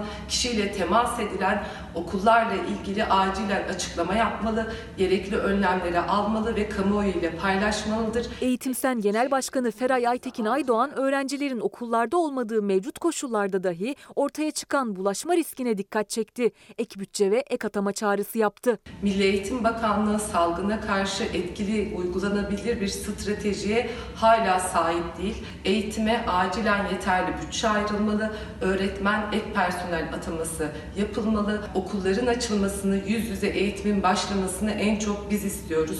Salgında okulların kapalı kaldığı süre uzadıkça öğrencilerimizin eğitim sürecinden kopuşu hızlanıyor. Ancak eğitim ve sağlık hakkı arasında ayrılmaz bir ilişkinin de olduğunu farkındayız. Profesör Doktor Üstün Dökmen de İlker Karagöz'ün konu olduğu Çalar Saat'te gerekli tüm önlemler alınarak eğitimin başlaması gerektiğini vurguladı. Eğitime iki sene ara vermenin öğrenciler için büyük bir sorun yaratacağını dile getirdi. İki sene bir nesli okula şu ya da bu gerekçeyle göndermezseniz telafisi imkansız bir sıkıntı ortaya çıkar. 5 yaşında bir sene gönderdik. 5 yaşında ertesi sene hemen 6.5'a çıktı. O 5 yaş geçmiş olsun. 2 yıl korkunç bir süre. Boyu gazetesinden bir detay göreceksiniz. Ödemeler uzatılsın. Türk İş, Hak İş ve TİSK'ten ortak bir talep. Cumhurbaşkanı kararıyla Ağustos ayının sonuna kadar uzatılan kısa çalışma ödeneğinin yıl sonuna kadar uzatılması işçi konfederasyonları tarafından talep edildi. Aile, Çalışma ve Sosyal Hizmetler Bakanı Zehra Zümrüt Selçuk, Ağustos ayına ilişkin işsizlik ve kısa çalışma ödemelerinin 3 Eylül'den itibaren hesaplara yatırılacağını duyurdu. Zehra Zümrüt Selçuk, Ağustos ayına ilişkin işsizlik ve kısa çalışma ödeneği ödemelerini 3 Eylül'den itibaren TC kimlik numaralarının son hanesine göre vatandaşlarımızın banka hesaplarına yatıracağız diye konuştu. Buna karşılık 3 konfederasyon Türk İş, Hak ve TİSK yaptıkları ortak bir açıklamayla kısa çalışma ödeneğinin 2020 yılının sonuna kadar uzatılmasını talep etti. Ve bu arada Disk Başkanı Erzu, Arzu Çerkezoğlu'nun da bir açıklaması gündemdeydi. İdari izin ve esnek çalışma modeline dair bazı eleştirileri vardı. Covid'in artık bir işçi hastalığı olarak değerlendirildiğini ve işçi hastalığı haline getirildiğini söyledi ve sözlerine eleştirilerle devam etti. Bir masada dört kişi bak. Rasime bak. Abi 50 kişi var ya. Yan yana yemek yiyorlar. Bu adamlar nasıl hastalık kapmasın? Sokağa çıkma yasaklarının, kısıtlamaların olduğu dönemde bile işçiler çalışmak zorunda bırakıldı ve bunun sonucu olarak COVID-19 bir işçi sınıfı hastalığı haline geldi. Disk olarak bizim kendi üyelerimiz arasında yaptığımız araştırmanın sonuçlarına göre disk üyeleri arasında COVID-19 pozitif vakaların oranı Türkiye ortalamasının 3,5 katı olarak belirlendi. Salgın boyunca evlerinde hiç kalamadılar. Ya iş ya da işsizlik seçeneğiyle karşı karşıya kalan bazı özel sektör çalışanlarında disk verilerine göre salgına yakalanma oranı Türkiye ortalamasının kat be kat üstünde. Ancak bir kez daha özel sektör çalışanları genelge kapsamı dışında kaldı. Günlük vaka sayılarının tekrar artışa geçtiği bu günlerde kamu çalışanları için uzaktan ve dönüşümlü çalışma olanağı getirildi.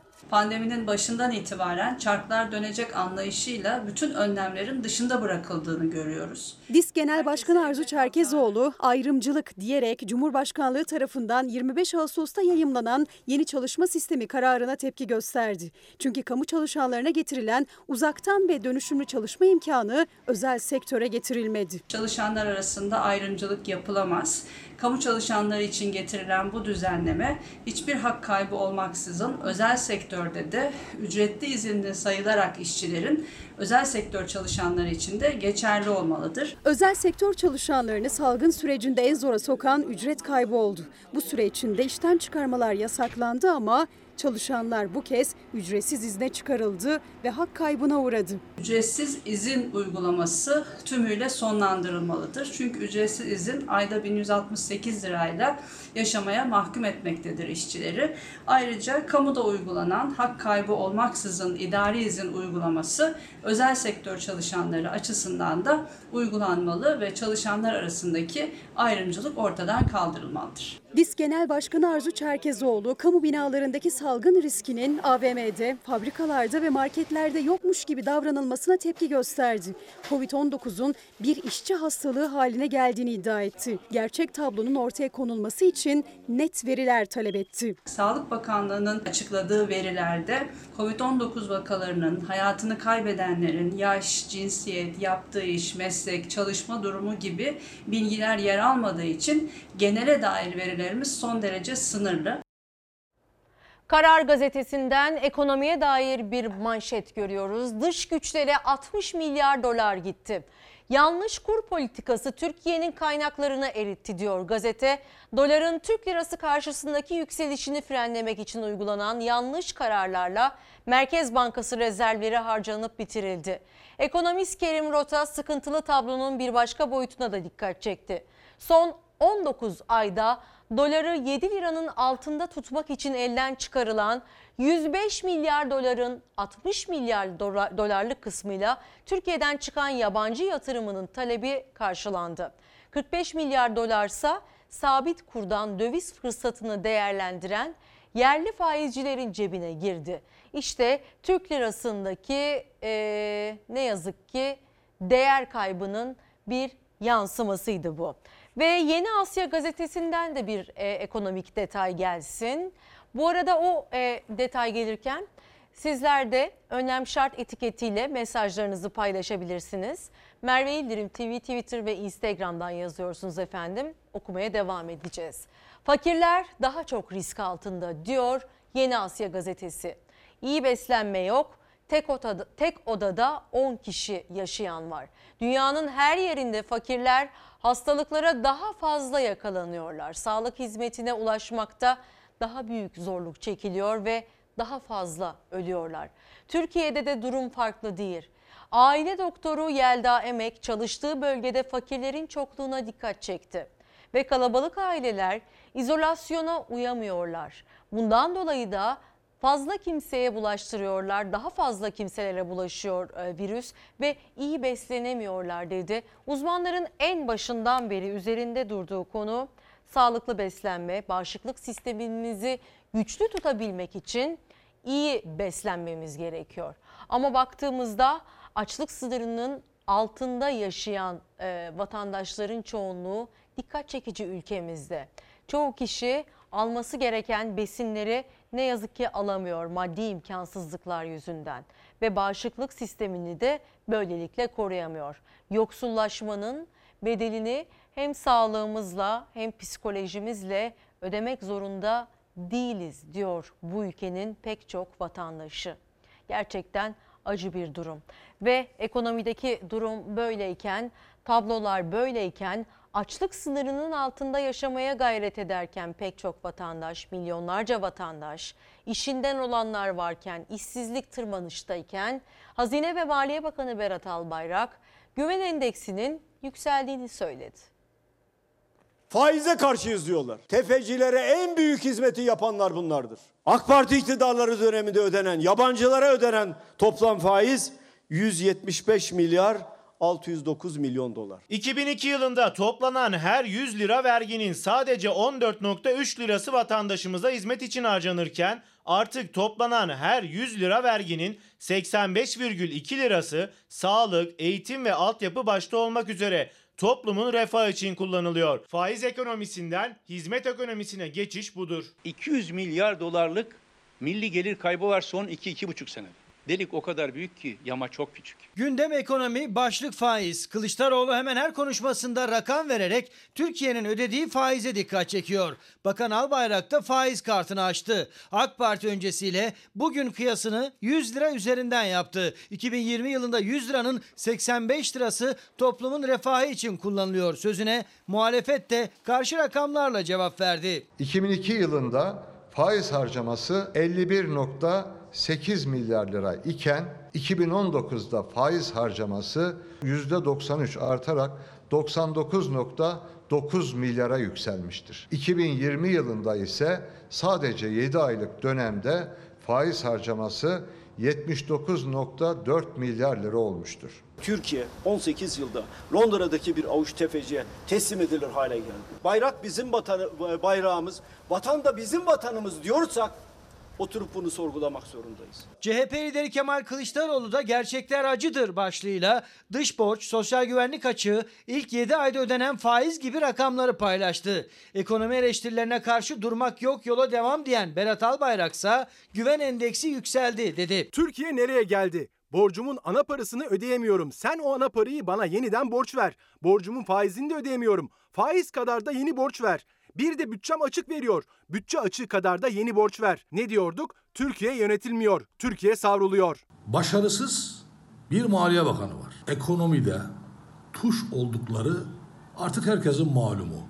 Fazla kendini yormasın. Battık bittik lobisi yine üzülecek. Ekonomik güven endeksi Temmuz ayında 82,2 iken Ağustos ayında %4,4 oranında artarak 85,9 oldu. Durmak yok. Yola devam. Kasa satışlarının %400 oranında arttığı bunun anlamı vatandaş parasını, dövizini, altınını evindeki ve ofisindeki kasada muhafaza etmek istemektedir. Yani vatandaş devleti yönetenlere güvenmiyor demektir. İyi Partili Cihan Paçacı vatandaşın artan ev tipi kasa talebine dikkat çekti. Birikimler kasalarda tutuluyor, ekonomiye güven yok sesini yükseltti. Meral Akşener de esnaf gezilerinde yüz yüze nabız tutmaya devam etti. Bu kez İstanbul'daydı. 300 lira, 400 lira gelen elektrik param şu anda 1 milyar 200 milyon lira geliyor. Şu anda işsizlikten 70 kuruşa sattığımız altını öbürsü gün 80 kuruş alıyoruz. İşçilerimiz çıktı. Pandemiden dolayı 2 ay kredi vereceğiz dediler. Her bankaya gittik. Kimse bir şey verdiği yok. Biz ne yapacağız? Muhalefet ekonomi takibini hep sıcak tutuyor. Bir son dakika bilgisi var. Türkiye Doğu Akdeniz için yeni Navtex ilan etti. Detayları e, daha e, ilerleyen dakikalarda vereceğiz.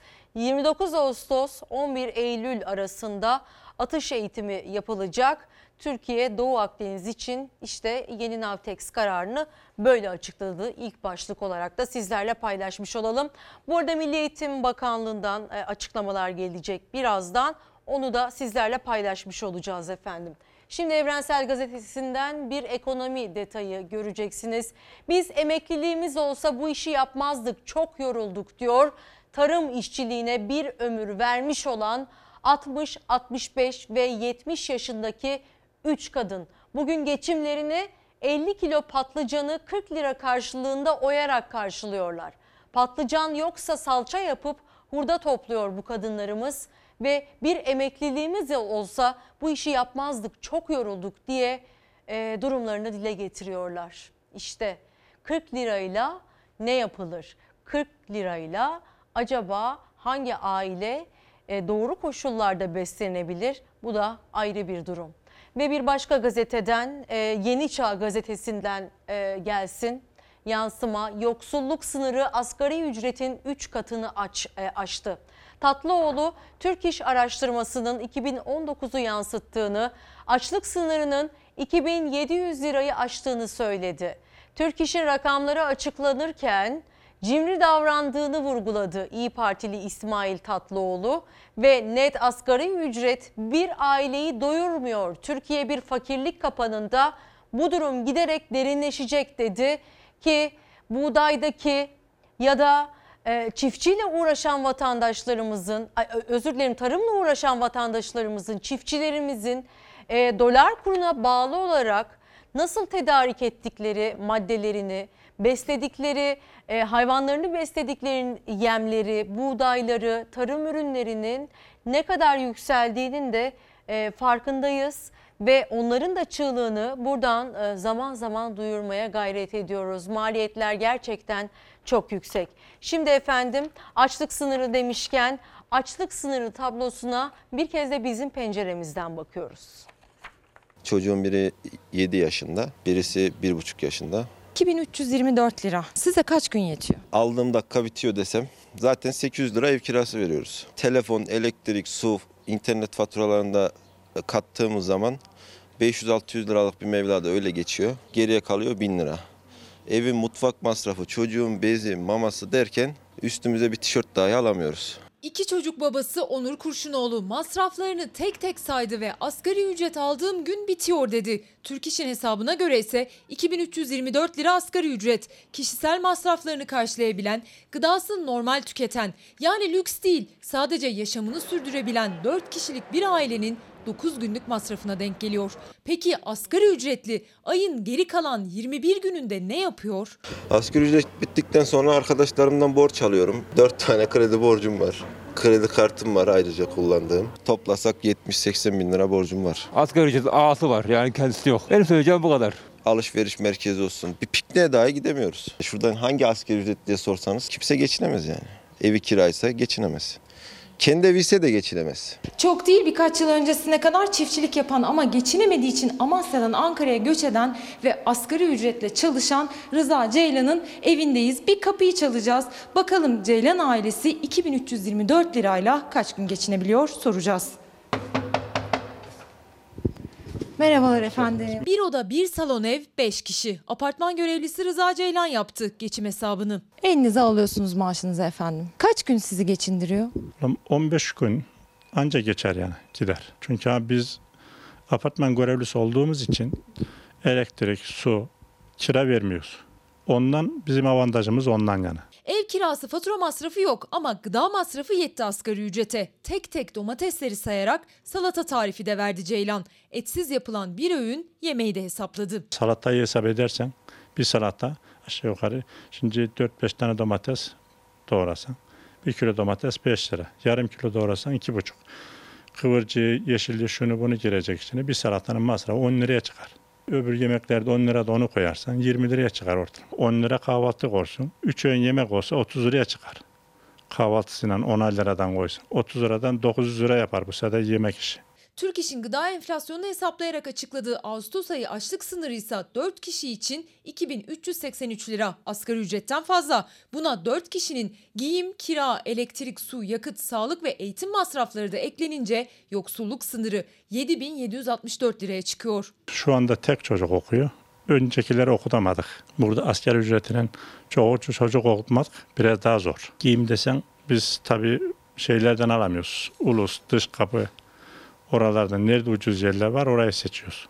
Her şeyin en ucuzunu alarak idare etmeye çalışıyor eski çiftçi Rıza Ceylan. Ama yine de Türk İş'in insan onuruna yakışır yaşam için hesapladığı yoksulluk sınırı 7 bin lirayı istemiyor. Sadece biraz daha nefes alsa yetecek asgari ücretliye. Ortalama 4 bin lira kurtarır. Hani kafa kafaya geçinmesi için, çocuklarını kimseye muhtaç etmemesi için.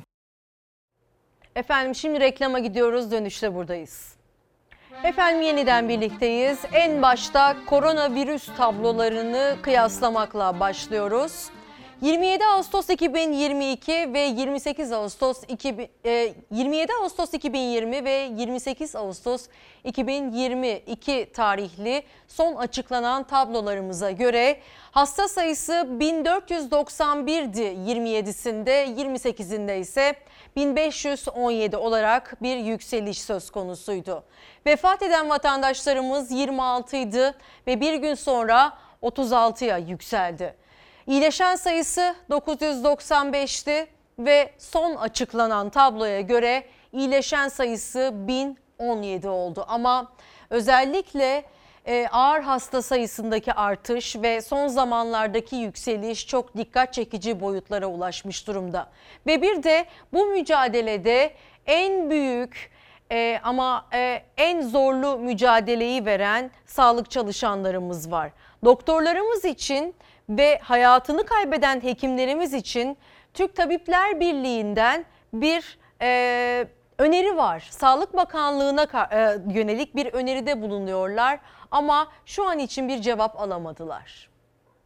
Sağlık Bakanı'nın her gün tweetle attığı o tablodaki rakamlara baktığımız zaman bize göre daha az sayıda yeni hasta sayısı orada açıklanmaktadır. Çabalarımıza rağmen, mektuplarımıza rağmen, çağrılarımıza rağmen e, Sağlık Bakanlığı maalesef bu konuda bir e, çalışma yapmadı. Tablodaki rakam hesaplara uymadı. Artan vakalarla hekimlerin de daha fazla koronavirüse yakalanması, bir haftada 5 hekimin hayatını kaybetmesi ve Covid-19'un hala meslek hastalığı kabul edilmemesi yıprattı hekimleri. Türk Tabipler Birliği Merkez Konseyi Başkanı Profesör Doktor Sinan Adıyaman'a göre sadece 2 il ve 1 ilin 2 ilçesinden gelen yeni vakaların toplamı bile tabloda açıklanan Türkiye geneli yeni vaka rakamına eşit. Bize gelen bilgiler mesela Batman'dan gelen bilgiler e, yaklaşık günlük 600 civarında yeni PCR testi pozitif hasta olduğunu açıklamaktadır. Keza İzmir'de günde ortalama 400 civarında PCR testi pozitif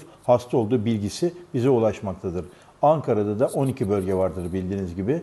E, Çankaya ve Sincan bölgelerinden gelen e, verileri de topladığınızda bütün Türkiye'deki toplam hasta sayısına ulaşmaktadır. Sağlık Bakanlığı'nın verdiği verilere göre. Türk Tabipleri Birliği Sağlık Bakanı Fahrettin Koca'ya sorunları görüşmek üzere bir davet mektubu gönderdi. Birliğe göre salgın kontrolden çıktı ve bu durum hem toplumu hem hekimleri tehdit ediyor.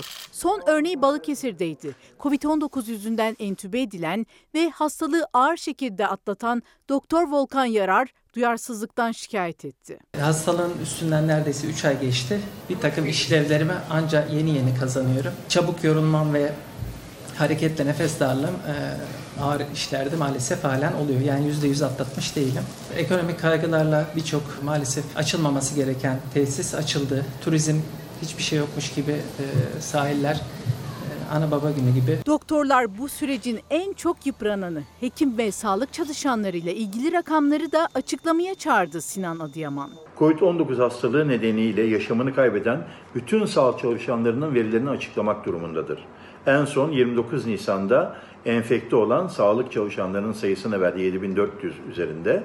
Ama yaklaşık 3 aya geçen bir zaman içinde herhangi bir veri vermedi. Biz kendi bilgilerimizle, kendi olanaklarımızı almaya çalışıyoruz. Sağlık çalışanları hayatları pahasına mücadele verirken bir yandan da yolsuzluk iddiaları geldi gündeme. Sağlık Bakanlığı'na bağlı Sağlık Hizmetleri Genel Müdürlüğü bazı özel sağlık kuruluşlarının yüksek ücret karşılığı test yaptığını ve sisteme girmediğini belirledi. Sinan Adıyaman denetimin eksik kaldığını savundu. Bazı yetkilendirilmemiş laboratuvarların ve özel hastanelerin test yaptığı bilgisi geldi bize. Mesela bir baba oğlun buradan aldığı e, PCR testlerinin sonuçlarının pozitif olduktan sonra evlerine gidip annelerine bir otele yollayıp 3 gün oralet tedavisi uyguladıkları kendilerine yönünde ve daha sonra bir e, hastaneye uğrayıp bir e, meslektaşımız tarafından tedavi edilmişler. Kars'ın Sarıkamış ilçesine bağlı Karakurt köyü geçtiğimiz Nisan ayında HES barajının suları altında kaldı. Acil kamulaştırma sonrası 6 yıl boyunca hakları ödenmeyen köylülerse köylerine gözyaşlarıyla veda etti. Bir grup köylü HES şirketinin daveti üzerine Ankara'ya gitti ama muhatap bulamadı. İşte şirketin önündeyiz bakın Karakurt mağdur olan insanlar hepsi şu anda şirketin önünde. Pazartesiden beri buradasınız. Su tutuldu üstüne. Babamın kemiklerini topladım ben. Nereye doyurabilirim ben kendimi? Ankara'ya geldim, meclise geldim. Hiçbir şey yapılmadı. Sadece evleri, tarlaları değil mezarları bile su altında kaldı. Acil kamulaştırmanın ardından 6 yıl boyunca iddiaya göre tek bir kuruş dahi ödenmedi köylüye. Hidroelektrik santrali barajının yuttuğu Karakurt köyünün sakinleri davet alınca son çare olarak Ankara'ya gitti. Ne şirket yöneticisiyle ne de milletvekilleriyle görüşebildiler. Dördüncü gün oturma eylemi yapınca şirket avukatları köylülere haftaya tekrar gelin dedi. 50-60 kişi mağdur durumda Ankara sokaklarında sürünmekteyiz. 6 yıldır seslerinin duyulması için mücadele ediyor Kars'ın Karakurt köylüleri. Pazartesiden beri de Ankara'dalar. Köyleri ise yalnızca hatıralarında yaşıyor artık. Çünkü 2014 yılında HES barajı inşaatı için arazileri kamulaştırıldı. Bir kısmı az da olsa paralarını alabildiyse de çoğuna ödeme yapılmadı. Sadece ili- köyün ileri gelenlerle, sesi çıkanlarla, nüfusta olanlarla anlaştılar. Burada gelen garibanlar hepsi kaldı. Tarlaları ve hayvanları tek geçim kaynaklarıydı. Geçtiğimiz Nisan ayında gönderilen tebligattan birkaç gün sonra baraj su tutmaya başladı. Kimi eşyalarını bile almaya vakit bulamadı, çoğu başka şehirlere göç etti. Çok az bir miktarda babam para aldı. Ve biz o parayla Tekirdağ'a gittik ama geçinemedik. Okul paramıza bile yetmedi. Şimdi okumak istiyoruz ama babam bizi okutmuyor. Çanakkale ağlıyor, her, gün, her, gün, ya. Hayvanları dağda, kendisi evi suyun altında kalmış 45-50 yılını o köye adamış insanlardan bahsediyoruz. Şimdi şehrin birinde su parasını ödemeyecek durumda. Ben bu kadar sürünmeye mecbur muyum ya? Benim arabam vardı, hayvanım vardı, ben hayvancılık yapıyordum. Tarla ekiyordun. Ben yaşamından memnundum. Şimdi ben Çiftçilik yapıyordun. bir tane salçaya 50 bin lira vermek zorundayım. Umutları tükenmişken HES'i inşa eden şirket Ankara'ya davet etti. Onlar da bin kilometre yol kat edip gitti. Şirket sahibinin Antalya'da olduğunu öğrendiler. Kendilerine görüşme sözü veren bölgenin AK Parti milletvekilleri de Malazgirt'teyiz dedi. Muhatap bulamayan köylüler dördüncü gün şirket önünde oturma eylemi yaptı. Polis eylemin sonlandırılmasını istedi. Gördüklerinizde polisler arkadaşlar kapının önüne bırakmadı içeri girdik. Eylemin ardından şirket avukatları haftaya randevu verdi. Köylülerin bir kısmı Kars'a geri döndü, bir kısmı hala Ankara'da. Son ümitleri pazartesi yapılacak olan görüşmede. Benim annem 1 lira alamadı. Ben bu annemi nereye götüreyim? Karakurt köyü cazibe merkezi oldu. Yıktığınız bir yer nasıl cazibe merkezi oluyor ya? Milli Eğitim Bakanı Ziya Selçuk canlı açıklama yapıyor. Açıklamalar sizlerle efendim. zaten. Yani e, genelde bazen sorun çıkabiliyor okullar açıldıktan sonra da ders kitaplarının öğrenciye erişememesiyle ilgili. Ama bu iki ay önce bittiği için hiçbir sorun e, yaşamıyoruz. Öğretmenlerin mesleki eğitimlerinde büyük bir atak yapıyoruz. Bu e, her, her konuda hijyen konusu olabilir, dijital beceriler konusu olabilir. Velilere rehberlik konusunda aynı şeyi söyleyebilirim. Türk Standartlar Enstitüsü ile yaklaşık 3 aydır çalışıyoruz. Bir okulun temizliği konusunda e, hangi standartlar olmalı? Bu bu standart özel bir standart. Çünkü korona dönemi standardı. O yüzden de e, neler yapabiliriz? Bunu uzmanlar e, çok uzun süre çalışarak birlikte okulun her ortamı yani öğretmen odası, ıslak zeminleri, koridorları, bahçesi, kapıları vesaire, pencereleri bunların hepsiyle ilgili laboratuvarlar, standartlar e, çıkartıldı ve hijyen şartlarının geliştirilmesi enfeksiyon önleme kılavuzunu da biliyorsunuz yayınladık. Fakat bu kılavuz çok e, resmi ve standart bir kılavuz olduğu için bunun velinin diline göre, öğretmenin diline göre e, özel olarak e, yeniden rehber haline getirilmesi lazım. Onun kitaplarını hazırladık ve e, öğretmenlere, yöneticilere rehberler, velilere rehberler hazırladık. Hazırlığını tamamlayan okullarımıza da okulun temiz belgesi veriyoruz. Ve bu e, standardımızı yükseltme gayretimizle ilgili ve bütün il müdürleriyle hemen her hafta görüşüyoruz ve diyoruz ki hangi okulunuzda ne tür ihtiyacınız var? Ya hangi eksiğiniz var? Okullarımızın eksikleri var. Ve bu eksikliklerin neler olduğunu da okul okul saptıyoruz. Ve şöyle bir imkanımız var. Ee, her bir okulun imkanını belirle, e, ihtiyacını belirledikten sonra okula özel bu ihtiyaçları gönderme fırsatımız var. Rahatlığımız ne? Rahatlığımız şuradan kaynaklanıyor. Diyelim ki dezenfektan, diyelim ki sabun veya maske, her neyse yani okulun ihtiyacı. Bunların tamamını biz üretiyoruz. Meslek sesinde üretiyoruz, halk eğitimde üretiyoruz. Efendim işte bilsemlerde üretiyoruz. Kendimiz ürettiğimiz için tedarikte bir sorun yaşamıyoruz.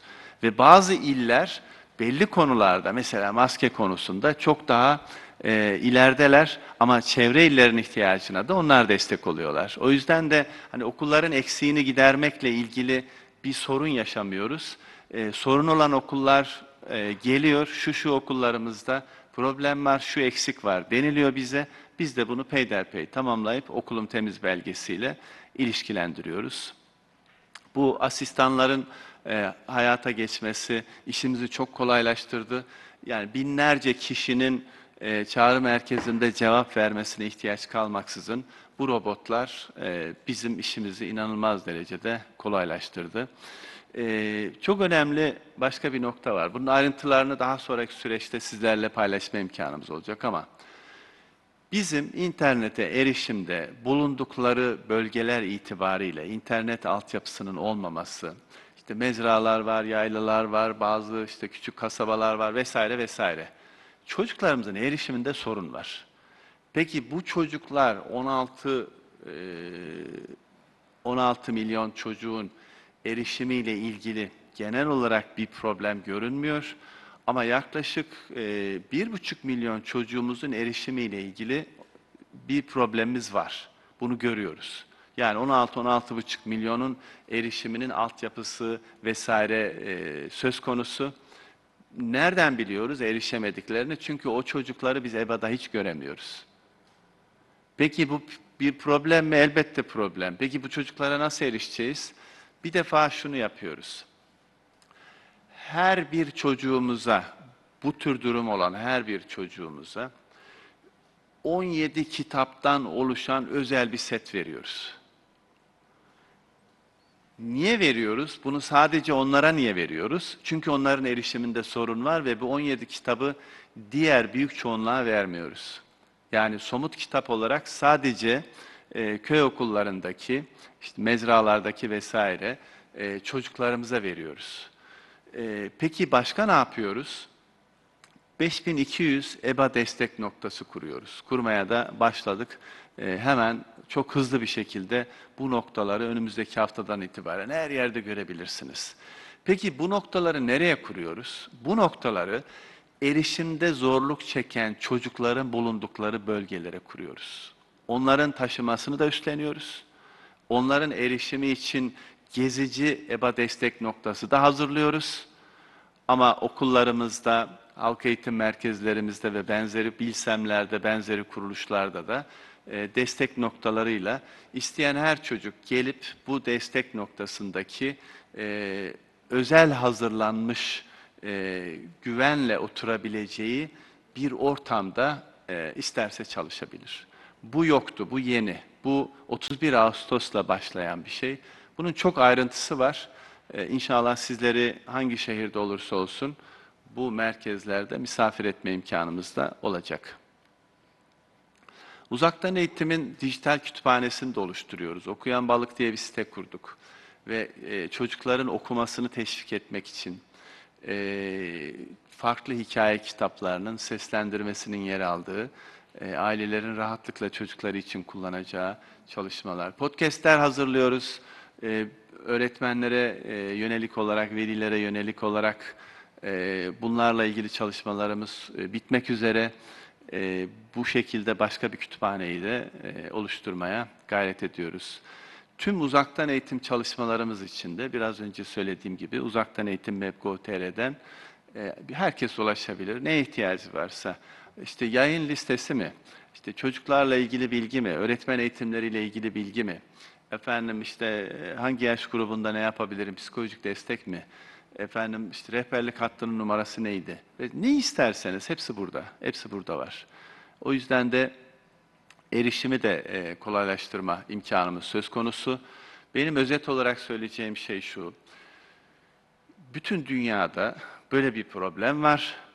Bugün elimizdeki en gerçekçi araç, en güçlü araç, 31 Ağustos için söylüyorum, uzaktan eğitim. Onun için uzaktan eğitim iyiydi, kötüydü meselesi değil. Uzaktan eğitimi en iyi şekilde nasıl kullanırız? Bizim derdimizin adı bu. Biz uzaktan eğitime sahip çıkıyoruz ve 31 Ağustos itibariyle bunun çok önemli olduğunu düşünüyoruz.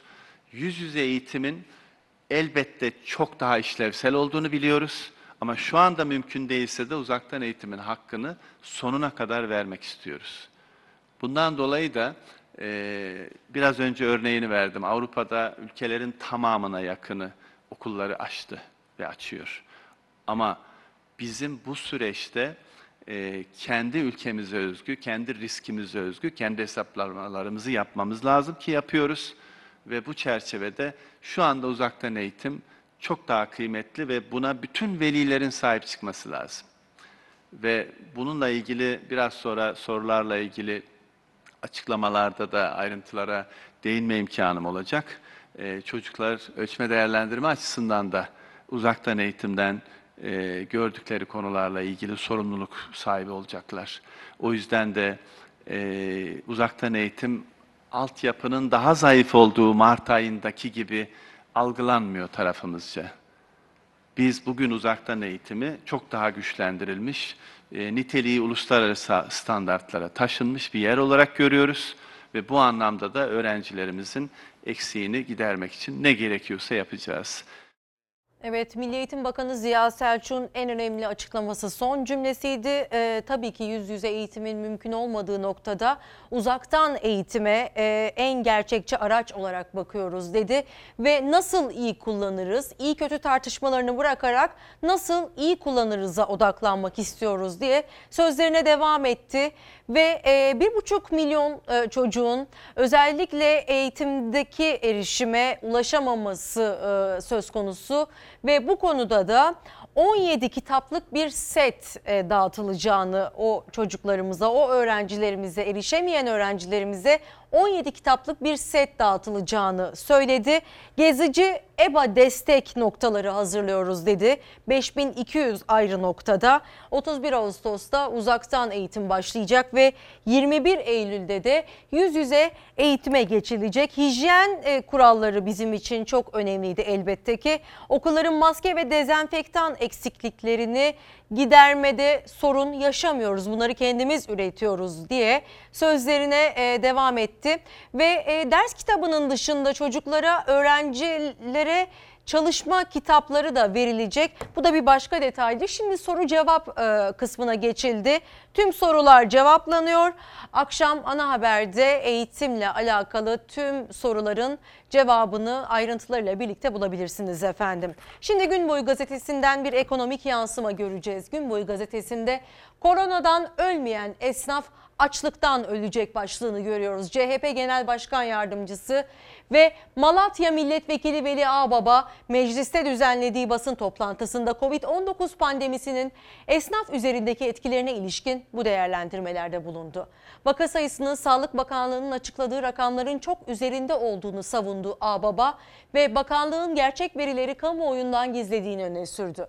Ağbaba Covid-19 salgınının hem vatandaşın sağlığını hem de ekonomiyi olumsuz etkilediğini, en çok esnafın zor durumda kaldığını söyledi ve milletvekili Veli Ağbaba buna da kalıcı çözüm bulunmadığını iddia etti. Tabii ki esnafın ne kadar zor bir süreçten geçtiği yatsınamaz bir gerçek. Özellikle de kırtasiye esnafı ya da kantinciler okulların açılacağı bu süreçte kantinciler, servis şoförleri onlar da çok endişeliler ve tabii ki tabii ki düğün e, merasiminde çalışan meslek grupları, organizasyon şirketleri ya da sokağa çıktığımızda e, en ufak bir kafeteryada bile durgunluğun eskiye nazaran olan durgunluğun yansımasını e, gözlemleyebiliyoruz. Ve tabii ki kıyafet gibi satış noktaları olan esnafımız da zor durumda. Tabii ki alım gücünün düşmesiyle de e, orantılı giden bir unsur bu. Hepimiz bir zincirin halkalarını oluşturuyoruz ve ekonomimiz ciddi anlamda yara almış durumda ama esnaflarımız özellikle bu durumda gerçekten yıpratıcı süreçlerden geçiyor. Ve tabii ki çiftçilerimiz onlar için de hayat hiç kolay değil. Ve e, ne yazık ki yerli çiftçilerimizin yabancı çiftçilerimizden, yabancı çiftçilerden çok daha az kazandığını söylüyorlar uzmanlar ve bu konuda da gözlemlenmesi gereken noktalar var. Bu yılda buğdayda 1650 lira taban fiyat verildi. Bunu müjde diye duyurdular. Ancak bunun çiftçinin yeniden buğday ekmeye yöneltecek bir rakam olmadığını o dönem açıklamıştık. Bu yılda buğday ithalatına bağlı yaklaşım devam ediyor. Ocak ayında 500 bin ton, Şubat ayında 350 bin tondan sonra şimdi 500 bin tonluk bir buğday ithalatı yapılıyor. Buğdayın ithalatında gümrük sıfırlandı. Yerli üreticiden esirgediğimizi yurt dışındaki çiftçilere ne yazık ki veriyoruz. Çünkü yerli üreticiye 1650 lira taban fiyatı verdik. Makarnalıkta bu 1800 liraydı. Şu anda ithal buğdayı 2400 liradan alıyoruz. Yani tonlu 2400 liradan aldığımız buğdayı kendi çiftçimizden 1650 lirayla 1800 lira aralığında aldık. Oysa tüccara geçinceye kadar çiftçi buradan para da kazanmadı. Çünkü borçları nedeniyle bir an önce paraya çevirebilmek için buğdayını 1500 liraya kadar sattı. 1800 liradan aldığımız makarnalık buğdayı dün yapılan ihaleyle 2400 liradan yurt dışından getiriyoruz. Bu bizim tarımımıza, bu bizim çiftçimize yapılmış büyük bir darbedir. Bir son dakika haberimiz var. Giresun'da kaybolan 7 kişiden bir kişinin cansız bedenine ulaşıldı. Bu bilgiyi de aktarmış olalım. Tekrar geride kalanlara sabırlar diliyoruz ve kaybettiğimiz vatandaşlarımıza da Allah'tan rahmet diliyoruz başta. Tabii ki şehitlerimiz olmak üzere. Bu arada Milli Eğitim Bakanı Ziya Selçuk açıklamalarına devam ederken en çok merak edilen konulardan birine de parmak basıldı. Özel okullardaki indirim meselesi. Çünkü velilerin ciddi anlamda belini büken ve indirim e, taleplerinin de e, yoğun olduğu bir süreçteyiz. Bu konuyla alakalı indirim olacak mı sorusuna e, istinaden okullar velilerin taleplerini dikkate almalı cevabını verdi Milli Eğitim Bakanı Ziya Selçuk. Ama şunu da belirtmeliyiz ki okullara gittiğinde de veliler Milli Eğitim Bakanlığı'ndan bize herhangi bir e, karar gelmedi diye velileri e, geçiştirmeye çalışıyorlar. Tabii ki her okul için bunu söyleyemeyiz ama en azından almış olduğumuz duyumlar doğrultusunda özel okullar topu Milli Eğitim Bakanlığı'na, Milli Eğitim Bakanlığı ise topu özel okul yönetimlerine atıyor. Veliler arada kalmış durumda efendim. Yeniden e, gelişmeler geldikçe paylaşacağız. Şimdi sırada kadın haberi var. Ne yazık ki eşinden yıllarca şiddet gören kadın sonunda boş, e, boşanma davası açtı. Şiddet bağımlısı kocaya elektronik kelepçe takıldı ama şiddet mağduru kadının özgürlüğü 6 ay sürdü. Cihaz geri alınınca kadın adeta evine hapsoldu. Elektronik kelepçe bağlandı en sonunda. Bir 6 ay güvenliğim sağlandı ama 6 ay sonra iade ettikten sonra e, tekrar yine hapis oldum eve. Öldürülmek istemiyorum. Elektronik kelepçe cihazı sayesinde dışarıda dolaşırken ya da evinde biraz olsun güvende hissediyordu kendini ama 6 ayın sonunda cihazı iade etmek zorunda kaldı. Şiddet mağduru kadın eşinin korkusundan evine hapsoldu. Mecbur kalıp kendi yöntemlerimle e, işte 3 tane kilit e, gibi e, çareler bulmaya çalışıyorum. Kilit üstüne kilit yapıyoruz yani anahtar üstüne anahtar. Yani bu kadar yapabildiğim sayede bu şu anda. Antalya'da yaşayan 45 yaşındaki bir çocuk annesi Keziban A hayatını kabusa çevirecek olan YA ile 29 yıl önce tanıştı. YA, Keziban A'yı 17 yaşındayken rızası olmadan kaçırdı. Şiddet evliliklerinin daha ilk günü başladı. Üçüncü şahıslarla tehdit ediyor. Yine telefon numaramı bulmuş. Yine mesajlar devam ediyor. Evlilikleri sırasında bir çocukları da oldu. Dayak canına tak edince 2017 yılında boşanma davası açtı kadın. Şiddeti, ölüm tehditleri izledi. Kocasına uzaklaştırılma verildi, ayağına elektronik kelepçe takıldı. Kocasının kendisine 600 metreden fazla yaklaşması yasaklandı. 15-20 metrekarenin içine hapsoldum. Belirlenen 6 aylık sürenin sonunda cihazı iade etti Keziban A. Kocası yeniden tehditlere başlayınca kapısına 5 tane kilit taktırdı. Şu anda iki e, kapı dediğim gibi 5 tane anahtar hayatımdan ibaret. Güvenliğim sağlanıyordu ama şimdi tamamen artık Açık e, açık hedef oldum tabii. Açık hedefim yani şu anda. Tek güvencesi de elinden giden Keziban A 3 aydır sokağa çıkmaya korkuyor. Evinde de güvende hissetmiyor kendini. Yeniden elektronik kelepçe bağlanması için dilekçe de verdi ama talebi reddedildi. Türkiye'de sadece ot- 30 tane cihazın olduğunu söylediler ama 400'den fazla 400 binden fazla belki de kadın mağdur durumda. Yani bu cihazın çoğaltılmasını istiyorum. Türkiye'de de bu son dönemde sadece Temmuz ayında 36 tane kadın cinayeti işlendiği için korkmaya başladım. Yani hani ben de öldürülmek istemiyorum. Kadına şiddetin son kurbanlarından biri de 18 yaşındaki İpeker oldu. Ona bu şiddeti yaşatan ve ölümüne neden olan uzman çavuş Musa O tutuklandıktan sonra kaçma şüphesi yok denilerek tahliye edildi. Tahliye kararına tepki gösteren kadınlar İstanbul Beşiktaş'ta eylem yaptı.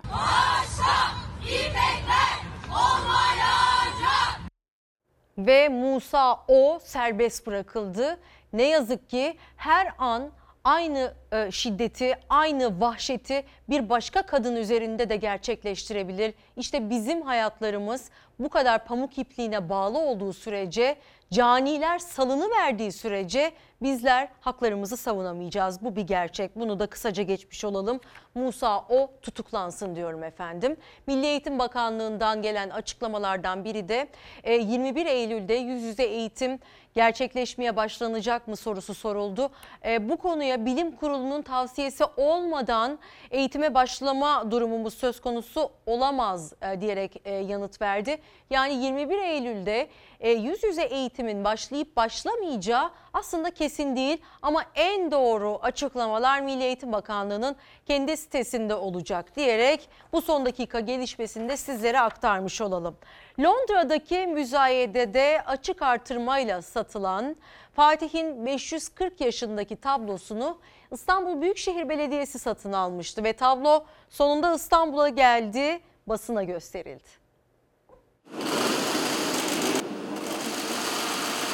Hafif bir tablo olsa da açıkçası şu anda yükü çok ağır. Çok kıymetli bir an benim için.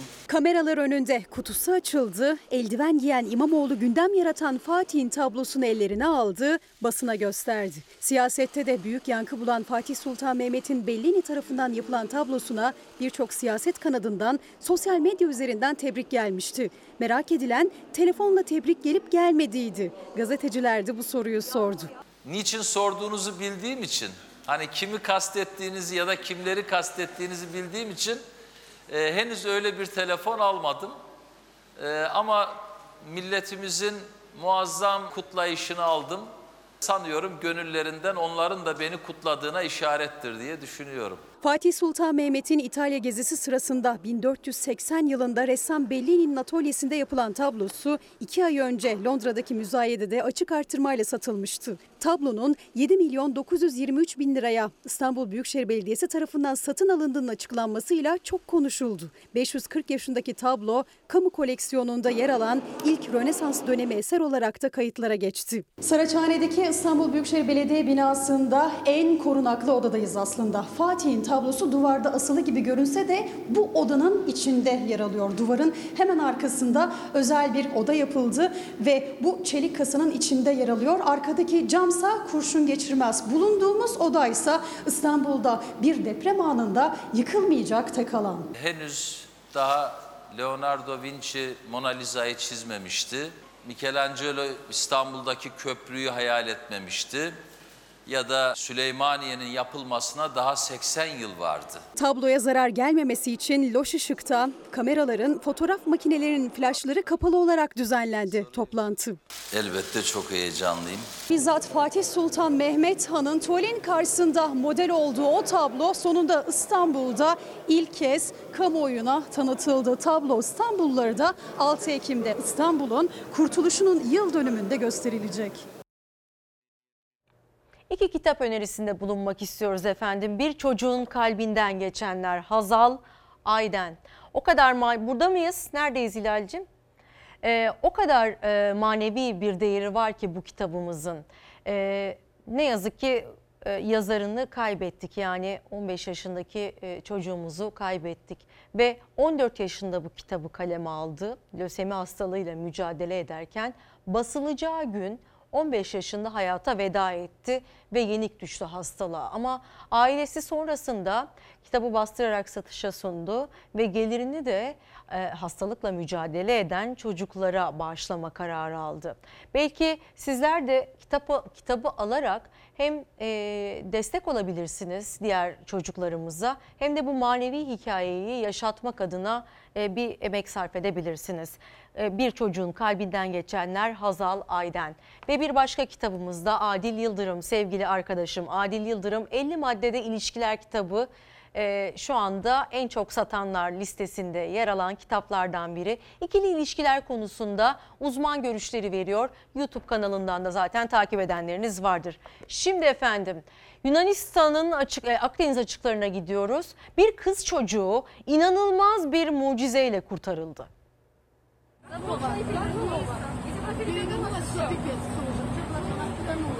Deniz simidinde denizin ortasında bir başına sürüklenen küçük bir kız çocuğu.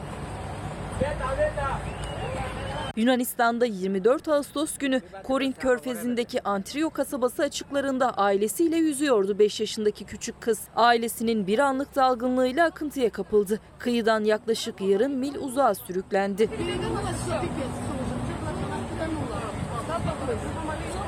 Denize düşme riskine karşı kollukları vardı. Deniz simidine sıkı sıkıya tutunan çocuğu bölgeden geçen bir feribottakiler fark etti. Denizden alınan küçük kız ailesine teslim edildi.